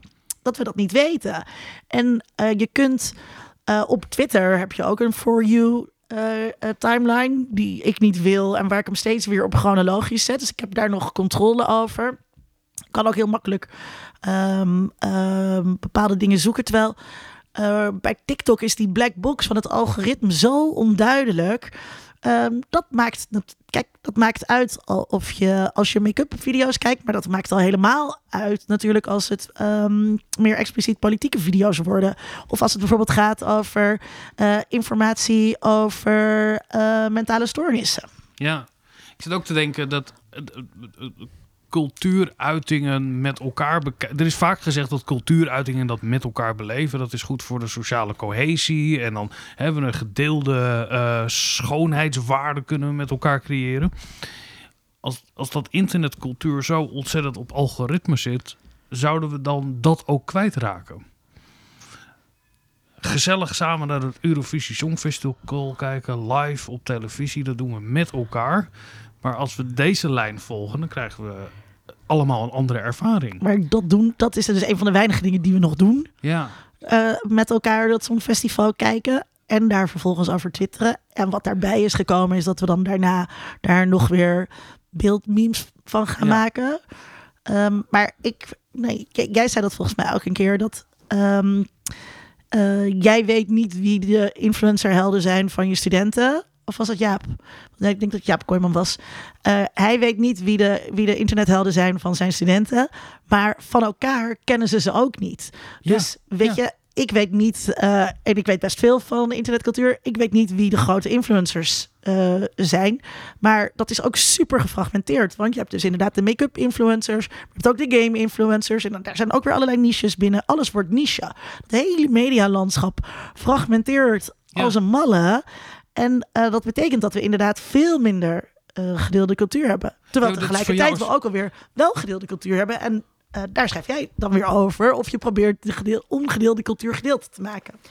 Um, ja, het is eigenlijk mijn taak om aan mijn lezers te laten zien um, wat zij inderdaad niet zien. Omdat ze in een bepaald algoritme zitten. Um, ik laat ze zien waar jonge meisjes naar kijken die graag willen afvallen. Ik laat ze zien waar mensen die van mode houden, van Met Gala houden bijvoorbeeld, wat zij uh, te zien krijgen. Um, en ja, en dan is het mijn taak om dat uh, op te zoeken zelf. En zoals ik al zei, dan kan je verschillende accounts maken.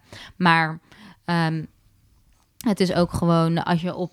Ik zit eigenlijk constant op alle social media platforms en dan nou, dan gewoon uh, kijken onder reacties, verschillende mensen volgen. Um, het, is, ja, het is gewoon een soort van kennis hebben en dat uh, inzetten. Het is gevoelsmatig, gedeeltelijk. Um, maar er zijn ook wel cijfers hoor. Bijvoorbeeld, wanneer een account 1 miljoen volgers heeft, dan, dan weet je gewoon dat dat een ding is. En dan ga ik dat volgen. Ja, want je zei net al dat, dat Met Gala uh, wat ik aan dat stuk zo leuk vond.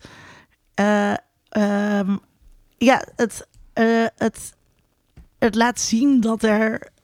Dat, dat hele waar wij het net over hadden, dat is gewoon al lang niet meer. Je kan niet meer online gaan. Er is niet meer een offline en een online wereld. Muziek wordt gemaakt met TikTok in het, in het achterhoofd. Dat het goed uh, te playbacken moet zijn. Want playbacken is een ding van TikTok. In een bepaalde um, hoeveelheid seconden moet dat gedaan worden. En daarbij moet je ook rekening houden met Spotify. En wanneer iets een play als tel, telt als play en niet. En daar wordt de muziek op gemaakt. Dus iedereen volgens mij die een outfit aan had op het Met Gala... heeft nagedacht over uh, wat, is mijn, wat is mijn mogelijkheid tot viraliteit hierbij, toch? Ja, ik bedoel... Um soort van Met Gala. Eerst was het, oké, hoe kan ik um, in modebladen... Um, uh, in, in modebladen besproken worden als iemand die er legendarisch uitzag. Um, en op, uh, nu, um, omdat artiesten het, zij moeten relevant blijven. Dat is hun werk, uh, dat is hun verdienmodel. En om relevant te blijven moet je tegenwoordig um, erkennen dat influencers daar heel goed uh, in zijn. en dat jij als artiest ook als een influencer te werk moet gaan. En dus Ehm, zag je dat mensen ehm, hadden nagedacht over of een outfit uh, viraal zou kunnen gaan. Zoals ja, als je in een gigantisch kattenpak, wat super schattig is, verschijnt. Jared um, Leto, toch? Ja, precies. Uh, de fotoredacteur uh, bij NRC zei ook meteen bij hem een stuk... oh ja, um, laten we Jared Leto zijn pak als uh, dragend beeld gebruiken... want dat is zo mooi. Nou, super slim. Dat is gewoon... dat doet het heel goed op het internet. Um, en dat er een kakkerlak aanwezig was... Want er was ook een kakkerlak. Ik heb het gezien. Ja. ja. Dat... Ehm, dat is eigenlijk onbedoeld voor de Met Gala een, voor het Met Gala iets geweldigs.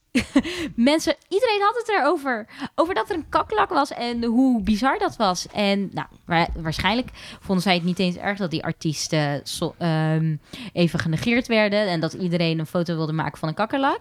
Want ehm, mensen wisten dat er een Met Gala was die dag op het internet. Ja, maar je, je ziet in de, uh, in de mediatheorie in de jaren 90 en uh, 0 werd er geconstateerd eigenlijk gewoon, uh, bij, vooral bij live events van wat is nou de echte gebeurtenis? Is het nou de begrafenis of is het de gebeurtenis dat wij thuis zitten te kijken naar een registratie van een begrafenis? Media events. Als media event. Ja je ziet hier. Dejan en Katz, volgens mij al in de jaren, jaren 60 of 80. Nee, dat boek was uit de jaren, volgens mij uit 89. Maar hou me het goed. Ik ga dat even opzoeken. Ja. Even uh, fact check, even real life fact check. Ja, ja precies. En toen werd gezegd van, goh, het is niet meer duidelijk wat het echte event is. Uh, want het, maar degene die daar waren... Nou, volgens mij is de theorie, er worden events georganiseerd vanwege media. Ja. Dus niet, het was niet meer duidelijk wat het echte event is, maar nou ja, deze events bestaan voor de media. Ja, maar je kan die vraag Alle sporttoernooien. Ja, waar vindt het plaats? Maar ook als je naar een concert gaat, dan kijk je eigenlijk naar een scherm uh, want je kan die artiest helemaal niet zien. Zeker als je in een gigantisch ding zit. Hier, toen ik jouw stuk las uh, over het metgalen, zat ik te denken... Deze mensen gaan ergens naar binnen. En dat, het, het doet er helemaal niet meer toe wat er eigenlijk gebeurt. Het media-event is niet eens meer het media-event meer, want het event is eigenlijk wat binnen is. Het media-event is de binnenloop geworden, wat eigenlijk een soort halffabrikaat is, een soort productiestage voor iets wat op internet pas uh, het, daadwerkelijke product is. We hebben alle twee ongelijk, maar jij hebt iets meer gelijk. Uh, 1992. Oh, nou zou ik drie jaar ja, naast. En Katz, uh, Media Events, The Live Broadcasting of History. Ja, ik weet dat de ACE het ooit heeft uitgeroepen tot het beste boek van de 20e eeuw over communicatiewetenschap. Maar goed, maak je vraag af. Die verschuiving eigenlijk, zie je dat uh, op meer plekken uh, waarin de, pro de, de, de, daadwerkelijk waar je bent een productieomgeving is voor het daadwerkelijke wat je aan het doen bent. Geldt dat? Want we hebben het toen ik ook was dus ooit een keer, events. Ik was ooit een keer um, ja voor, ik was vorig jaar werd ik gevraagd uh, door een farmaceut ja. om um, een, uh, een, um, een uh, gesprek te modereren. hier in Amsterdam, op, aan de gracht, in zo'n supermooi nieuw hotel. Er was kaas van Kev, er was alles. En er waren dus een paar influencers voor uitgenodigd. En voor de rest was er niemand van de pers. Dat vond ik dus heel raar. Ik had gedacht dit is dan dus een mediaverse. Dan is er dus ook iemand van de Volkskrant of zo bij. Die hier. Nee, er waren alleen de influencers. En. Uh, en, en die mensen die dit, die dit opgezet hadden, ging onwijs veel geld. Ik kreeg er ook heel veel geld voor. was heel fijn. Uh, die, die farmaceut betaalde daar dus heel veel. ging over APV, uh, eh, inenting. Dus dat was wel een onderwerp wat ik belangrijk vond. Niet dat jullie denken dat ik geroepen ben door, door farmaceut. Bla, bla, bla, disclaimer. Maar um, dat, die, die, het bureau dat dit organiseert, het PR-bureau, wist dus heel goed hoe die influencerwereld werkt. En dat je dus niet, daar hoef je niet een of andere Pieter Bas van de Volkskrant bij te hebben die daar verslag van doet. Die influencers doen alles. Ja, want we hebben toen ook gesproken met Esther Hammelburg over livebeleving mm. van events. Dat mensen naar een event gaan om zichzelf daar te filmen. Of ook met een half brain online aanwezig zijn bij de mensen die kijken naar hun Instagram eh, feed bijvoorbeeld. Um, het, het, het Zit jij trouwens ook in deze wereld, in die, in die uh, influencer? Ga je ook naar dit soort... Uh... Ik ben één keer... Um, ik ben Even kijken, wanneer was dat? Ik ben bij de YouTube Awards geweest. Um, en Ik vond het heel fascinerend, omdat die YouTubers aan het vloggen waren daar natuurlijk. Ehm, en ik zag dat ze daar waren gewoon om content te maken ook van het eh, idee van... oké, ik ben nu bij de YouTube Awards. Um, dat wilden ze aan hun kijkers laten zien. Uh, want uh, die waren daar niet. Um, ze waren allemaal YouTubers onder elkaar. Dus ja. iemand moest het weten. Ja, maar ik zag toen zo'n event in het Westerpark. Dat was dan iets breder, niet alleen YouTube. Maar dan zag je dus de helden, die ik niet herkende, maar die duidelijk helden waren. Maar de fans, die wilden dus ook een filmpje maken met hun held. Die zelf ook een filmpje aan het maken was van staan met je fans. dat is een heel interessant spel van registratie die daar eh, dan plaatsvindt. Ja, er is een... Uh, meme-account van volgens mij, volgens mij heet het um, Influencers in the Wild of zoiets. Maar uh, eigenlijk um, maken ze foto's van influencers die content maken. Ja. of filmpjes. En dan zie je dat, dat dat eigenlijk heel belachelijk is. Want heel veel TikTok-dansjes, als je, ik vind het tenenkrommend wanneer ik iemand tegenkom op straat die dan ergens um, op de grond zijn telefoon heeft neergezet en daar uh, dan voor aan het dansen is. En dan ben ik aan het doen van, wat is dit? Is, dit is toch geen circus? Uh, maar daar gaat het niet om. Um, en ik vind het eigenlijk ook wel stoer dat mensen daar uh, zo weinig om geven tegenwoordig, die, die die content maken. Maar het gaat erom dat zijn volgers dat te zien krijgen. Ja. Um, Zoals bijvoorbeeld, je ziet ook dat strandfoto's tegenwoordig. heel, dan zie je op Instagram een foto van een influencer die super oncomfortabel staat om een perfecte pose um, uh, te laten zien. En dan denk ik, ja, maar in het echt zou dit er zo grappig, zo bizar uitzien. Ik, ik, ben, uh, ik, was de laatste tijd helemaal verslaafd aan um, uh, Below Deck, uh, reality, reality serie op Netflix te zien, waar mensen op een, die, die huren een jacht af voor een paar dagen. En dat zijn dus ook heel vaak influencers. En dan laten ze dus precies dit zien.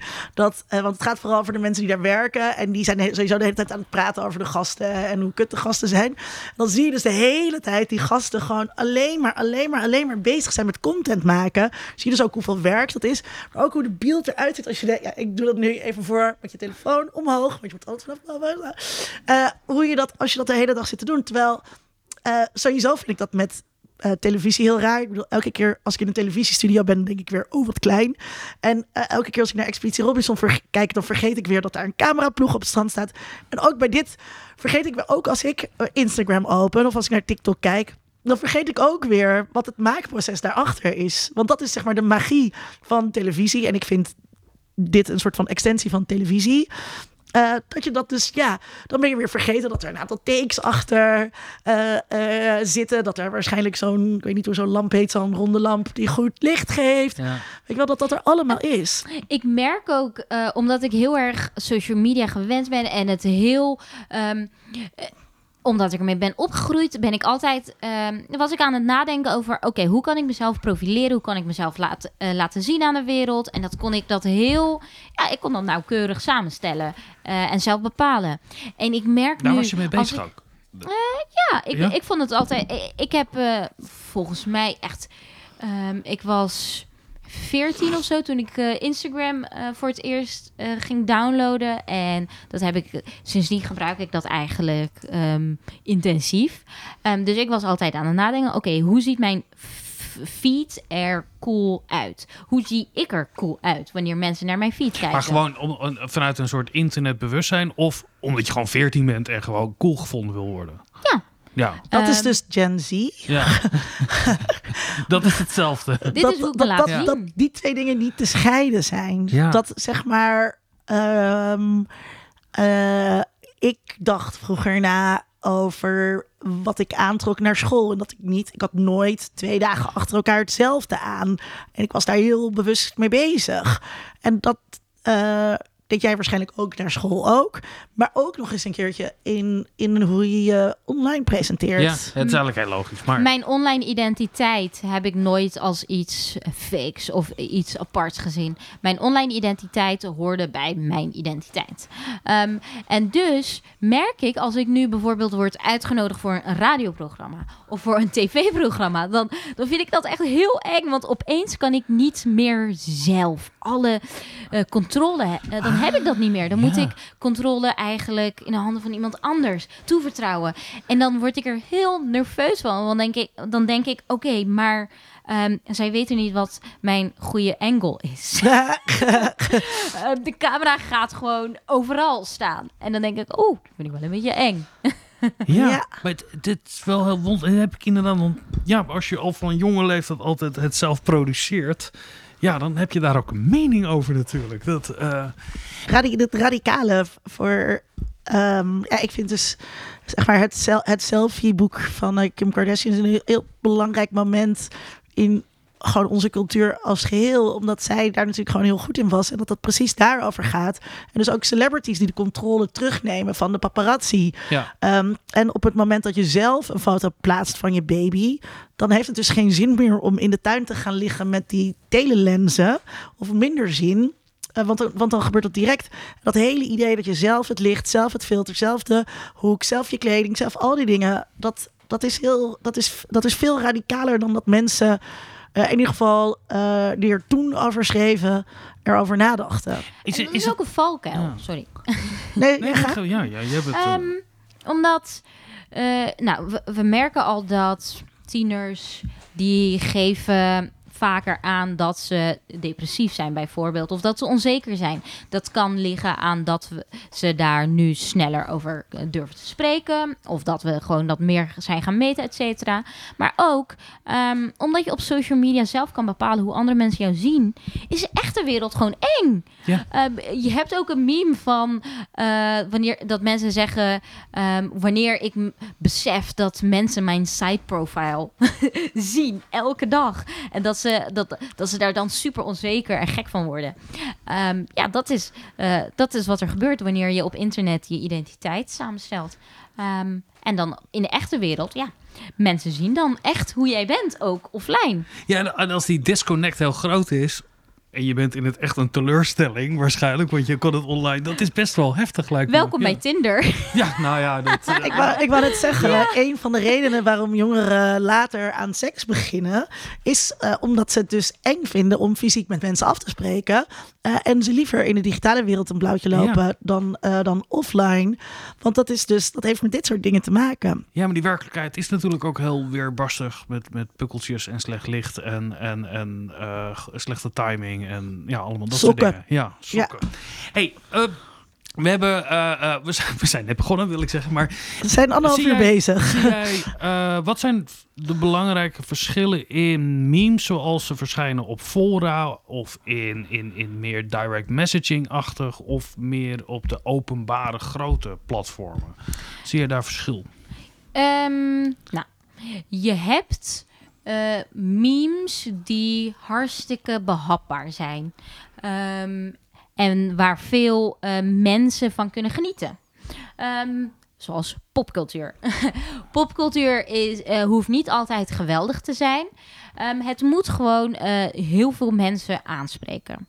Uh, en dat heb je dus ook met memes. Uh, Ninegag was heel populair en het bestaat nog steeds omdat um, dat was gefilterd. Dat kwam van uh, 4chan en 4chan is eigenlijk een soort van riool. Dat is online riool. En dan um, werd dat gefilterd en werd dat op Reddit gegooid. Maar Reddit was ook nog een beetje kleinschalig. Um, en op een gegeven moment werden de grappigste dingen van Reddit... uiteindelijk kwamen die op 9gag. Uh, in ongeveer 2015. En dan had je dus um, eigenlijk um, super. Um, dan had je memes die heel populair konden worden, omdat heel veel mensen ze leuk konden vinden. En ze waren niet heel te heftig. Maar je, je, je, je schetst een mooie economie, dat je zeg maar een hele de krochten hebt waar allemaal dingen in worden geprobeerd. Daar zit een selectie op wat dan weer op een platform daarna. En het allerbeste daarvan vind je dan op die, op die 9K-omgeving. Is dit, waar zit die filtering in? Je zegt het goede. Zijn er ook andere criteria? Is het toch, noemde het ook toegankelijker? Is het minder politiek bijvoorbeeld? Zijn hele populaire memes juist minder politiek of minder edgy dan uh, wat je juist op die fora vindt? Um, ik denk het wel, want um, ja, je hebt gewoon, uh, het kan zo. Um, heftig zijn als je maar kan bedenken. Maar dat zal bijvoorbeeld op uh, Instagram verwijderd worden. Dus daar komt het niet op. Uh, maar wat je ook ziet is dat de grappigste TikTok-filmpjes... die komen uiteindelijk op Instagram. Oh, de hele tijd. Want mijn Instagram begint nu dus ook te denken dat ik van stand-up comedy hou. En dan zie je dus inderdaad de grappige filmpjes die je vijf dagen geleden op TikTok zag. Die komen dus met enige vertraging, komen die dan nog een keertje voorbij in mijn Instagram Reels.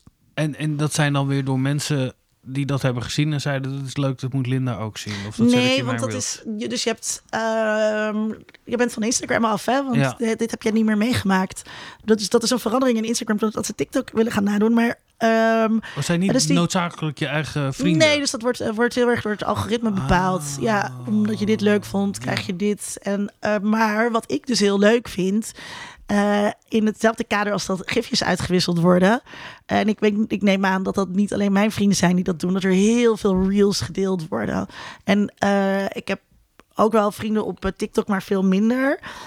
En dus Instagram is nu, dus nu ook als ik nu berichtjes zie van dat ik net dingen heb binnengekregen, dan hebben dus vrienden van mij. Um, hier, Zara, send a reel. Lennon, send a reel. Iris, send a reel. Uh, dus iedereen is de hele tijd reels naar elkaar aan het sturen. omdat, voor, omdat het als een soort van lief gebaar ik zag iets dat gaat hierover. Ik moest aan jou denken. Dit oh, dat is een reel en die wordt samengesteld als een soort for you page. Als er dus een uh, grappig filmpje is, dat gaat over. Weer, ja. ja. dat gaat over geen kinderen krijgen. Ja. Dan krijg ik dat dus doorgestuurd door 15 mensen. Want die denken, oh, Linda heeft ook geen kinderen. Weet je zo.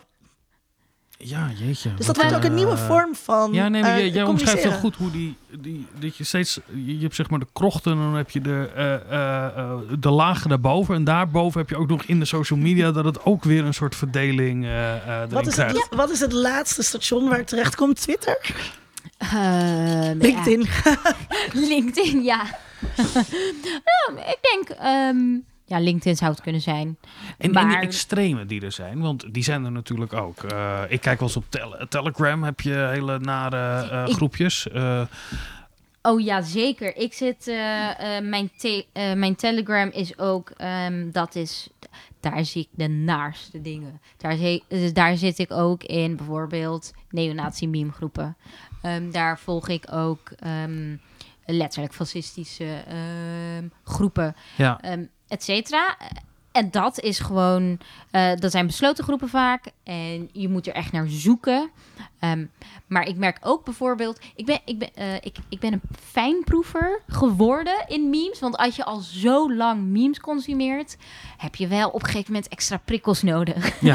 dingen, dingen vervelen. Dus, je bent geradicaliseerd meme-gebruiker. Ja, precies. En ik, ik, ben, ik zit in niches waarvan ik weet dat bijna niemand in mijn omgeving ze grappig gaat vinden of ze gaat kunnen begrijpen. Maar ik vind het geweldig.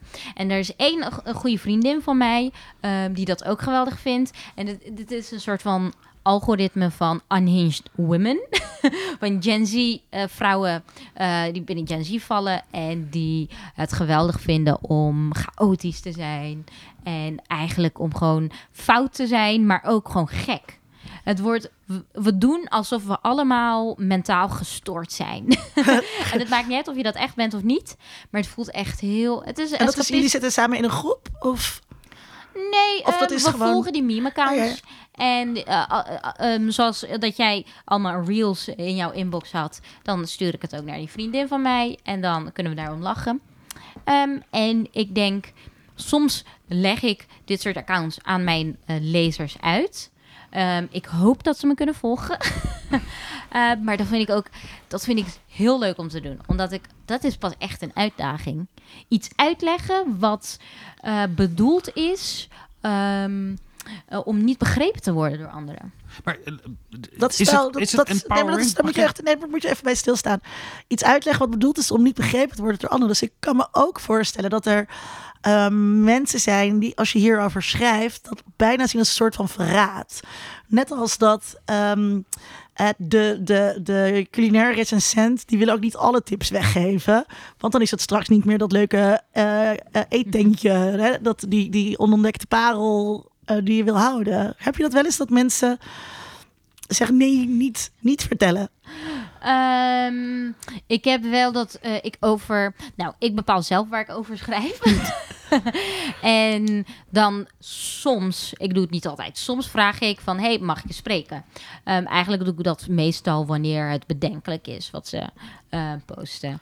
Um, en dan zeggen ze nee, ik wil anoniem blijven, ik wil niet praten. Dan denk ik, oké, maar ik ga wel over je schrijven, want je bent op het internet en je, uh, dit, dit, het is openbaar.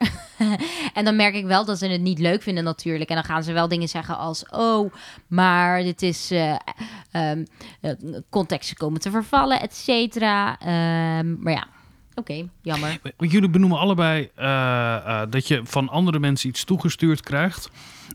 is het empowering? En daarmee bedoel ik, weet je jij het, oh, jij, dit is ook iemand die geen kinderen heeft en jij ook niet. Het is heel raar als ik jou een berichtje stuurt van, ik zag iemand op televisie, die heeft geen kinderen, was een hele leuke vrouw. Uh, is leuk, toch? Weet je wat, dat, een, een, meme hoef je het niet uit te leggen. waarom voel je het als een steun? Eeuw, fucking Vincent, eeuw, what the fuck? Wat, wat, waarom sturen mensen Ken je mij helemaal niet. Nee, uh, zeg ik vraag me gewoon af, wat, wat gebeurt er als iemand een meme ziet en aan jou doet denken? Jij gaf het voorbeeld. Ik hoef toch niet empowered te worden omdat ik geen kinderen wil? Nee, ja, het is... Dan, waarom sturen mensen dat dan? Ja, nee, dus voor mij zeg maar de, de, wat, wat ik er uh, in zie en ik hoor ook graag wat, wat jij ervan denkt, is dat het, wat, ik ook net, wat ik net zei. oh, oké, okay, leuk. Um, soms is het grappig, of vaak is het, is het dus grappig, maar het is ook gewoon en dat is natuurlijk met heel veel van de communicatie die we doen. Eh, daar praten mensen ook over, over, over koekjes en kalfjes en zo. Het is ook gewoon, ik vind dat een soort van Tamagotchi-achtig iets. Vriendschap is ook gewoon, weet je wel, even je Tamagotchi eten geven. Dus vriendschap doen is ook gewoon uh, je vrienden een reel sturen. Ja, Vincent, waarom stuur jij mij nooit nee, ik, ik, heb wel via WhatsApp uh, uh, een, een, een soort, soort quasi... van die vrouw-onvriendelijke korte memes... waar een vrouw belachelijk wordt gemaakt... van oh, oh, maar de macho humor. En dat waren inderdaad mensen waar ik niet zo heel goed bevriend mee was. Ja, ik, ik, ik, ik ik begrijp wel wat de code is van wij mannen, uh, domme wijven. daar Is dat empowerend voor je, Vincent? nou, ik denk het wel. Als ik daar uh, dat gevoel had dat ik dan met andere mannen in een groepje dat soort dingen kan sturen. dus ik denk dat het gewoon, een bevestiging. Het is, ja. het is een vorm van aandacht geven, denk ik, ja. aan, aan je vrienden en gedeelde dingen. Dat, wat zeg ja. jij als correspondent internetland? Heel simpel.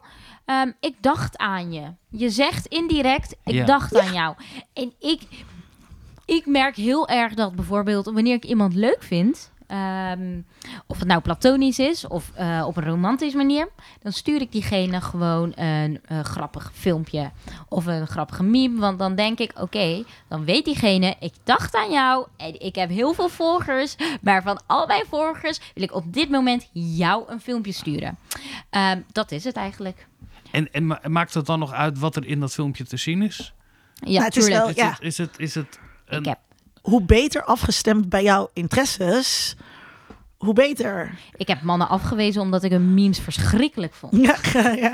ik zit ook te denken, je hebt, je hebt ook mensen die dan ineens in het Engels gaan spreken als het heel erg emotioneel dichtbij komt. Weet je wel, je kan beter een citaat uit een film gebruiken om tegen iemand te zeggen dan How may I compare thee to a summer's night? Ja, het is, als je zegt ik hou van jou is veel uh, uh, directer en, en kwetsbaarder dan te zeggen oh, uh, Love you. Nou ja, een, een citaat met mijn, met mijn vrienden, wat ik het leukst vind, uh, zijn de dingen, zijn de, is, het, is het soort uh, donkere humor die we niet amper en publiek uitoefenen.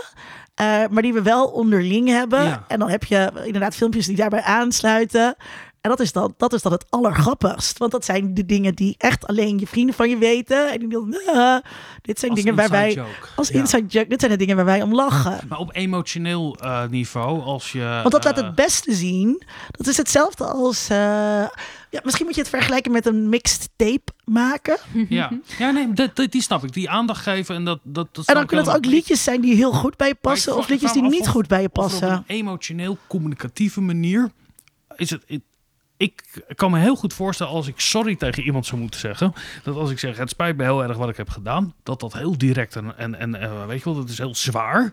Maar als ik een meme zou sturen waar iemand uh, met de strekking sorry stuurt. Dat het een, een, een soort lichtheid heeft dat ik via een meme kan communiceren. Um, het is niet... Um het is niet altijd een oplossing en het werkt niet altijd. Dat moet ook gezegd worden. Um, ik heb ook van dat ik oké, okay, superleuk. We hebben al drie maanden lang memes naar elkaar gestuurd. Maar ik bedoel, we moeten wel een keer afspreken, zeg ik dan tegen een vriendin.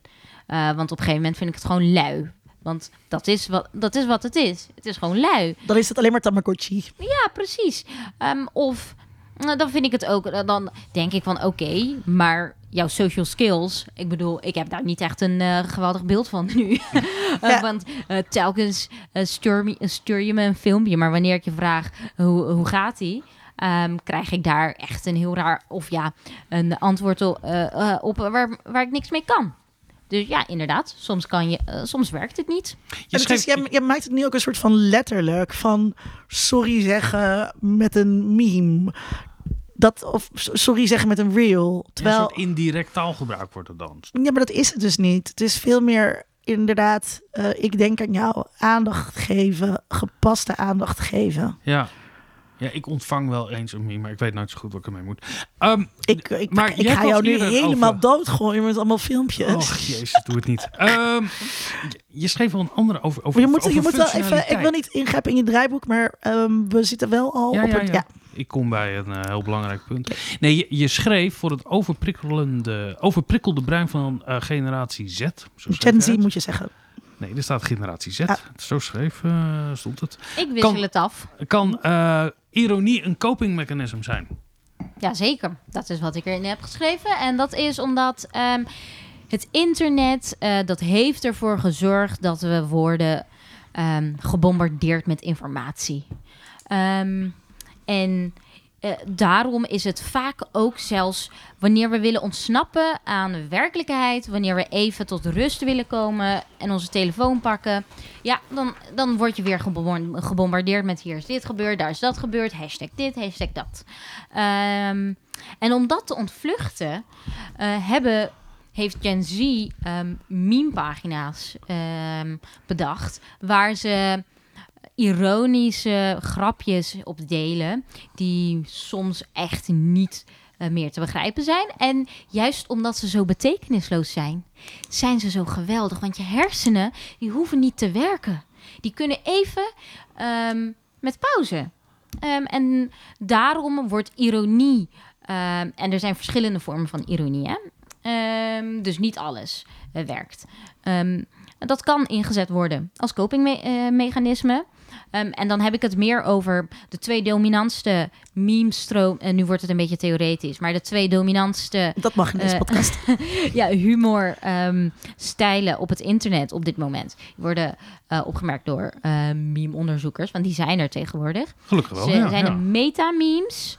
Uh, en de, de, nee, de meta-ironische memes en de post-ironische memes. Nou, eerst moet ik beginnen bij de post-ironische memes. Zoals het al zegt, dat komt na ironie.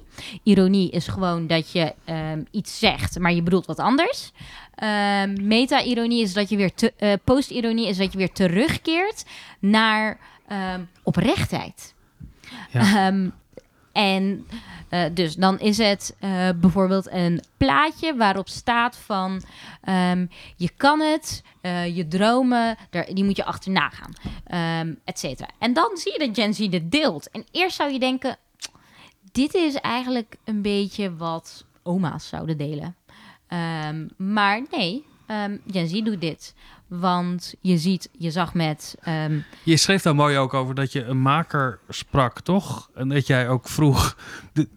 Ik, ik las erin dat jij eigenlijk vroeg. Dit moet toch wel ironisch zijn? Dat diegene zei: Nee, ik vond het echt heel mooi om dat met glitters en. Uh, ja. ja. ja. En die ander? Um, nou, en metamemes, dat is eigenlijk dat je meerdere lagen ironie. Dat je ze opstapelt en dat het een gigantisch sandwich wordt. Um, en dan Je weet niet meer wat erin zit. Je weet niet waar het over gaat, waar het vandaan komt. En dat is zo bevrijdend. Uh, omdat je even niet hoeft na te denken. Je hoeft, het hoeft nergens op te slaan. En op het internet, waar zoveel informatie te vinden is, um, mag het even over niets gaan. En dat is, dat is een opluchting voor Gen Z, omdat zij 24-7 um, ehm, achter een mobieltje zitten. En dan kunnen ze ervoor kiezen om dingen te consumeren die, waar ze hun hersenen niet voor hoeven te gebruiken. Ja. En ook wel, ik denk juist ook dat dat hele ironische, um, wat je dus, wat dus ook bijvoorbeeld heel erg in die geen stijlachtige internetcultuur ziet. Um, alles, je kan alles ontkennen. Overal kan je afstand van nemen. Uh, hipsters waren natuurlijk ook de hele tijd heel ironisch. Dat uh, daar, daar voorbij gaan. Dat dat dus een mooi uh, generatiekenmerk is. Want ik vind het dus wel echt heel grappig. Ik weet niet of jij geeft niet zo heel veel les aan studenten. Maar deze studenten die we nu hebben zijn echt heel anders dan die van um, 10, 15 jaar geleden. En ik zat hier laatst met een vriend van mij die ik heb uh, drie, 25 ik zat, ik, zat met, ik, zat met een 33-jarige en een 25-jarige uh, te afteren. En uh, die en die 33-jarige die vond het helemaal niet leuk. Dat hij die 25-jarige eigenlijk gewoon niet goed begreep. Dat hij de taal niet ja. uh, uh, sprak. Ze zijn echt anders. Ja, maar ik zit, ik zit te denken... Ik ben niet zo'n voorstander van generationeel denken. Nee, maar, in 293, ja. begin jaren 90 hadden we... Hè, er was alles postmodern. Er was ironische betekenisgeving. En er werd gedurende de hele jaren 90 werd steeds aangekondigd... er komt een soort new sincerity aan, weet je wel. De tegenbeweging, een soort nieuwe romantiek. Dat je de gothics daar werd toen, weet je wel. Dat was ook weer... Dus maar heel veel mensen waren toen ironisch gothic. Ja, nee, dat was juist de tegenbeweging. Ja, nee, maar dat waren, er, waren ze, oh, er waren ook ironische goths. Oh ja, dat zal best. Maar we zitten eigenlijk al 30 eh, jaar in een, een, een, kondigen steeds het einde van de ironie aan en het blijft maar. maar het is er nu. Een, blijft er en het gaat. Het is, ook het is er nu. Ja, dat zeg ik toch? Oh ja, dus het, nou, maar het, is, het wordt aangekondigd, maar het is er nu. Het wordt nu niet meer aangekondigd, is er. Wat, het einde van de ironie? Ja.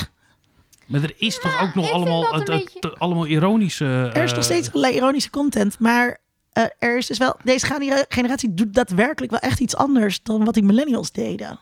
Ja, dat geloof ik, eh, dat geloof ik graag. Maar jouw omschrijving doet me heel erg denken aan hoe in begin jaren negentig in het postmoderne het spel. En, en, en toen ging het heel erg over grote merken. Dat je dan uh, Hoppa in plaats van Kappa had en allemaal dat soort dingen. Dus daar zit een soort, soort, soort continuïteit in dan komt een historicus in mij uh, omhoog. Ja, precies. maar ik weet niet of het cynisch is van me, maar uh, geschiedenis herhaalt zich telkens weer. Um, en vooral met het internet. Het internet is eigenlijk uh, maatschappelijke ontwikkelingen en eigen um, on steroids. Het gaat zo snel, dus het kan zo dat ironie um, over een paar jaar weer, weer cool is en daarna niet meer. Maar ik geloof er niet in dat iets voor goed um, niet meer kan. Oké, je hebt nu met hashtag MeToo dat bepaalde dingen gewoon echt niet meer kunnen.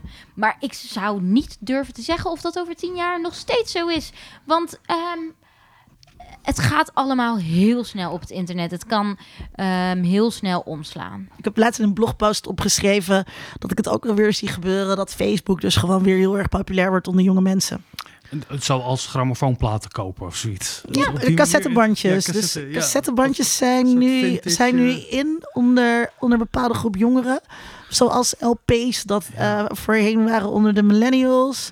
En uh, ja, dus dan dat je dus ook weer terugkeert naar een, uh, een platform dat gezien wordt als heel, wat nu gezien wordt als heel ouderwets en heel erg iets van, voor millennials heel erg iets van hun ouders. Maar als het moment dat het van je oma wordt, dan wordt het ook wel weer cute wel echt, denk je, want we zijn hier ook een beetje mee begonnen. Is dat ook de meerwaarde, denk je, van um, historicus zijn en, uh, en correspondent internetland. Dat je dus met een. Uh, want wat ik, wat ik vaak irritant vind. Nou, sowieso lees ik natuurlijk heel graag. Maar wat ik vaak. Jij doet dat dus niet. Wat ik vaak irritant vind. Is mensen die uh, heel erg de nadruk leggen op. Dit is nieuw, dit is nieuw, dit is helemaal anders. Terwijl heel veel dingen zijn dat natuurlijk niet. Uh, biedt dat jou voordelen dat je uh, getraind bent om een breder breder te kijken? Ja, want ik denk dan, ik zie dan iets op het internet. En ja, dat kan super nieuw zijn, omdat het nu op het internet is. En dat is zo nieuw. Maar wat er gebeurt, eigenlijk bijvoorbeeld, um, memes zijn, kan je vergelijken met prenten. Um, of prentenboekjes zijn dan meme-accounts. Um, dus wat mensen willen doen is dat ze gewoon even vlug iets willen laten zien aan anderen. Um, en dat ze daar humor voor kunnen gebruiken, dat ze daarmee iets politieks duidelijk kunnen maken, et cetera. Of je kan het zien als pamfletten. dus het kan, uh, ja, wat mensen willen doen is communiceren. En onze middelen kunnen we uh, veranderen, maar ik kijk dan ook, oké, wat is het doel hiervan? Wat willen mensen doen? En is dat eerder al uh, geprobeerd? Ja, nou ja Beste luisteraar, zoals elke keer eindigen we onze podcast met het beantwoorden van, van een vraag. En ik had deze vraag opgeschreven en ik behoud hem deze keer. Um, ik ga hem eerst aan Linda stellen en dan geef ik jou het laatste woord. Um, welke dynamieken zijn specifiek voor internetcultuur? Linda. Ja, ik hou dus heel erg van, uh, van het uh, concept affordances watgene wat niet een duidelijke vertaling heeft in het Nederlands, maar dus een soort van. Um, ja, de, dus je hebt allerlei platformen hebben uh, technologische mogelijkheden die bepalen wat je ermee kunt doen. Of die sturen wat je ermee kunt doen. Waar mensen dan vervolgens ook weer zelf mee aan de slag gaan. En, en het is vrij uh, letterlijk. Hè? Dus uh, waar kan je op klikken? Wat kan je achterlaten? Hoe, hoe kan je filmpjes of plaatjes... Nou ja, dus dat, dus, hè, dus dat TikTok, dus, dat. TikTok een, een bewegend beeldmedium is. want je kunt daar geen foto's uploaden. en Instagram een soort van beide. Dus ik vind dat dus heel interessant om te kijken naar die ontwikkelingen en dan en vervolgens dus te zien hoe mensen zich dat toe-eigenen, hoe ze daarmee aan de slag gaan en wat ze ermee maken, wat um, de, de bedenkers van die, van die technologische mogelijkheden en die infrastructuren eigenlijk zelf nooit hadden kunnen doen. Um, en ja, of wat het dus inderdaad, het, wat het gifje is, dat is toch prachtig. Gewoon een cultuurvorm geboren op het internet. Uh, uh, dus je vraag was van mm, welke dynamieken zijn specifiek voor internetcultuur? Nou ja, dus dat samenspel, denk ik, tussen uh, technologische mogelijkheden, de zucht van mensen om zich te willen onderscheiden. Um, en, de, en de oneindige creativiteit van mensen die maken, denk ik, internetcultuur. Zweden. Um, ik denk ik zou iets positief, uh, uh, positiefs kunnen noemen, maar ik denk meteen aan iets heel negatiefs. Je mag het allebei zeggen. Oké, okay, nou, hm. ik zal met negatief beginnen en eindigen met positief. um, bepaald soort gedachtegoed um, kan offline misschien minder goed verspreid worden, um, omdat het niet wordt gedragen door mensen. Maar online kan dat uh, enorm snel verspreid worden. Dan kunnen we het denken, uh, dan kunnen we het hebben over een soort van. We zitten in een. Um, we zien heel veel Gen Z'ers die conservatief worden. En dat worden ze op TikTok. Omdat TikTok. Um, uh, dat ze in een algoritme eigenlijk zijn terechtgekomen. waarin ze um, veel. Waarin ze conservatief gedachtegoed eigenlijk um, horen van influencers die dat die hebben nagedacht over hoe zij uh, uh, heel succesvol dat zouden kunnen verspreiden. En is dat specifiek voor conservatief gedachtegoed? Is dat uh, nee, succesvoller op TikTok? Want je, er zijn wel eens mensen geweest die hebben gezegd: alles wat je kort moet kunnen uitleggen, is rechtse conservatieve teksten zijn beter uit te leggen als je het heel kort moet houden. Zeker, dat werkt. Want je moet het heel simpel uh, brengen. Um, zodat uh, het behapbaar is. Ja. Um, en dat zie je bijvoorbeeld super populaire influencers doen. Um, ze zijn heel catchy, ze zijn heel. Uh, eigenlijk zeggen ze heel weinig. En juist daarom doet het goed uh, op het internet. Dat is nieuw en dat is een soort nieuw dynamiek. Um, en om het po om positief te eindigen, kunnen we het ook bijvoorbeeld hebben over Um, dat mensen op het internet tegenwoordig. Wacht, mag, mag ik even. Uh, maak je je daar uh, zorgen om? Ja, zeker. Om deze ontwikkeling? Um, zeker, want je hoort het. Um, je hoort het wanneer. Ik hoor het wanneer ik met mensen praat. En dan weet ik van, oké, jij kan zelf nooit hier op zijn gekomen. Het is iemand heeft dit jou verteld. Ehm, en dan kom ik dat bij meerdere mensen tegen. En dan weet ik gewoon, jullie hebben dit gekregen van iemand. Ja. Um, is er met aanhangers van Jordan Peterson, ja. is er gewoon niet te praten. het is gewoon niet mogelijk. Precies. Het is. Um, je bent bijvoorbeeld, ze zijn jong... Jij moet ook niet praten, je moet luisteren. Nee, maar, ze, maar ze zeggen dus bijvoorbeeld altijd van... Uh, nee, maar nu haal je dat uit zijn verband. Je moet het in een bredere context zien. Je moet dit, je moet dat. Uh, en en uh, het is, ja, en, hier ga ik waarschijnlijk geen gezeik mee krijgen, want die luistert toch niet naar deze podcast.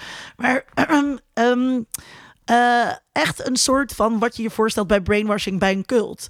Dat, dat precies wat je zegt, mensen krijgen allerlei dingen aangereikt. Ook hoe moet je hierop reageren? Zag je ook bij die antifaxbeweging.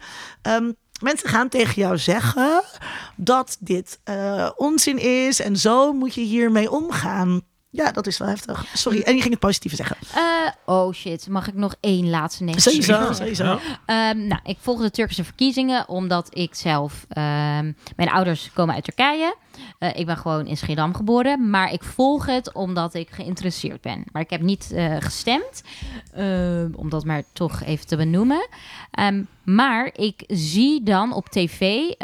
nee, op tv en op het internet... dat er um, bijvoorbeeld oppositie van Erdogan... die heeft gestapt op een gebedskleed. En filmpjes daarvan zijn viral gegaan. En dat wordt heel erg nu naar voren gebracht als... kijk, deze man is tegen uh, het islamitisch geloof. Kijk wat hij doet met een gebedskleed. En dan denk ik, ik bedoel... Dan hoor ik het van heel veel mensen die Erdogan-aanhangers zijn. Van kijk, deze man, hij stapt op een gebedskleed. Um, hij geeft niks om het geloof. Um, en dan denk ik, oké, um, jij bent hier niet zelf opgekomen. Jij hebt dit op social media gezien.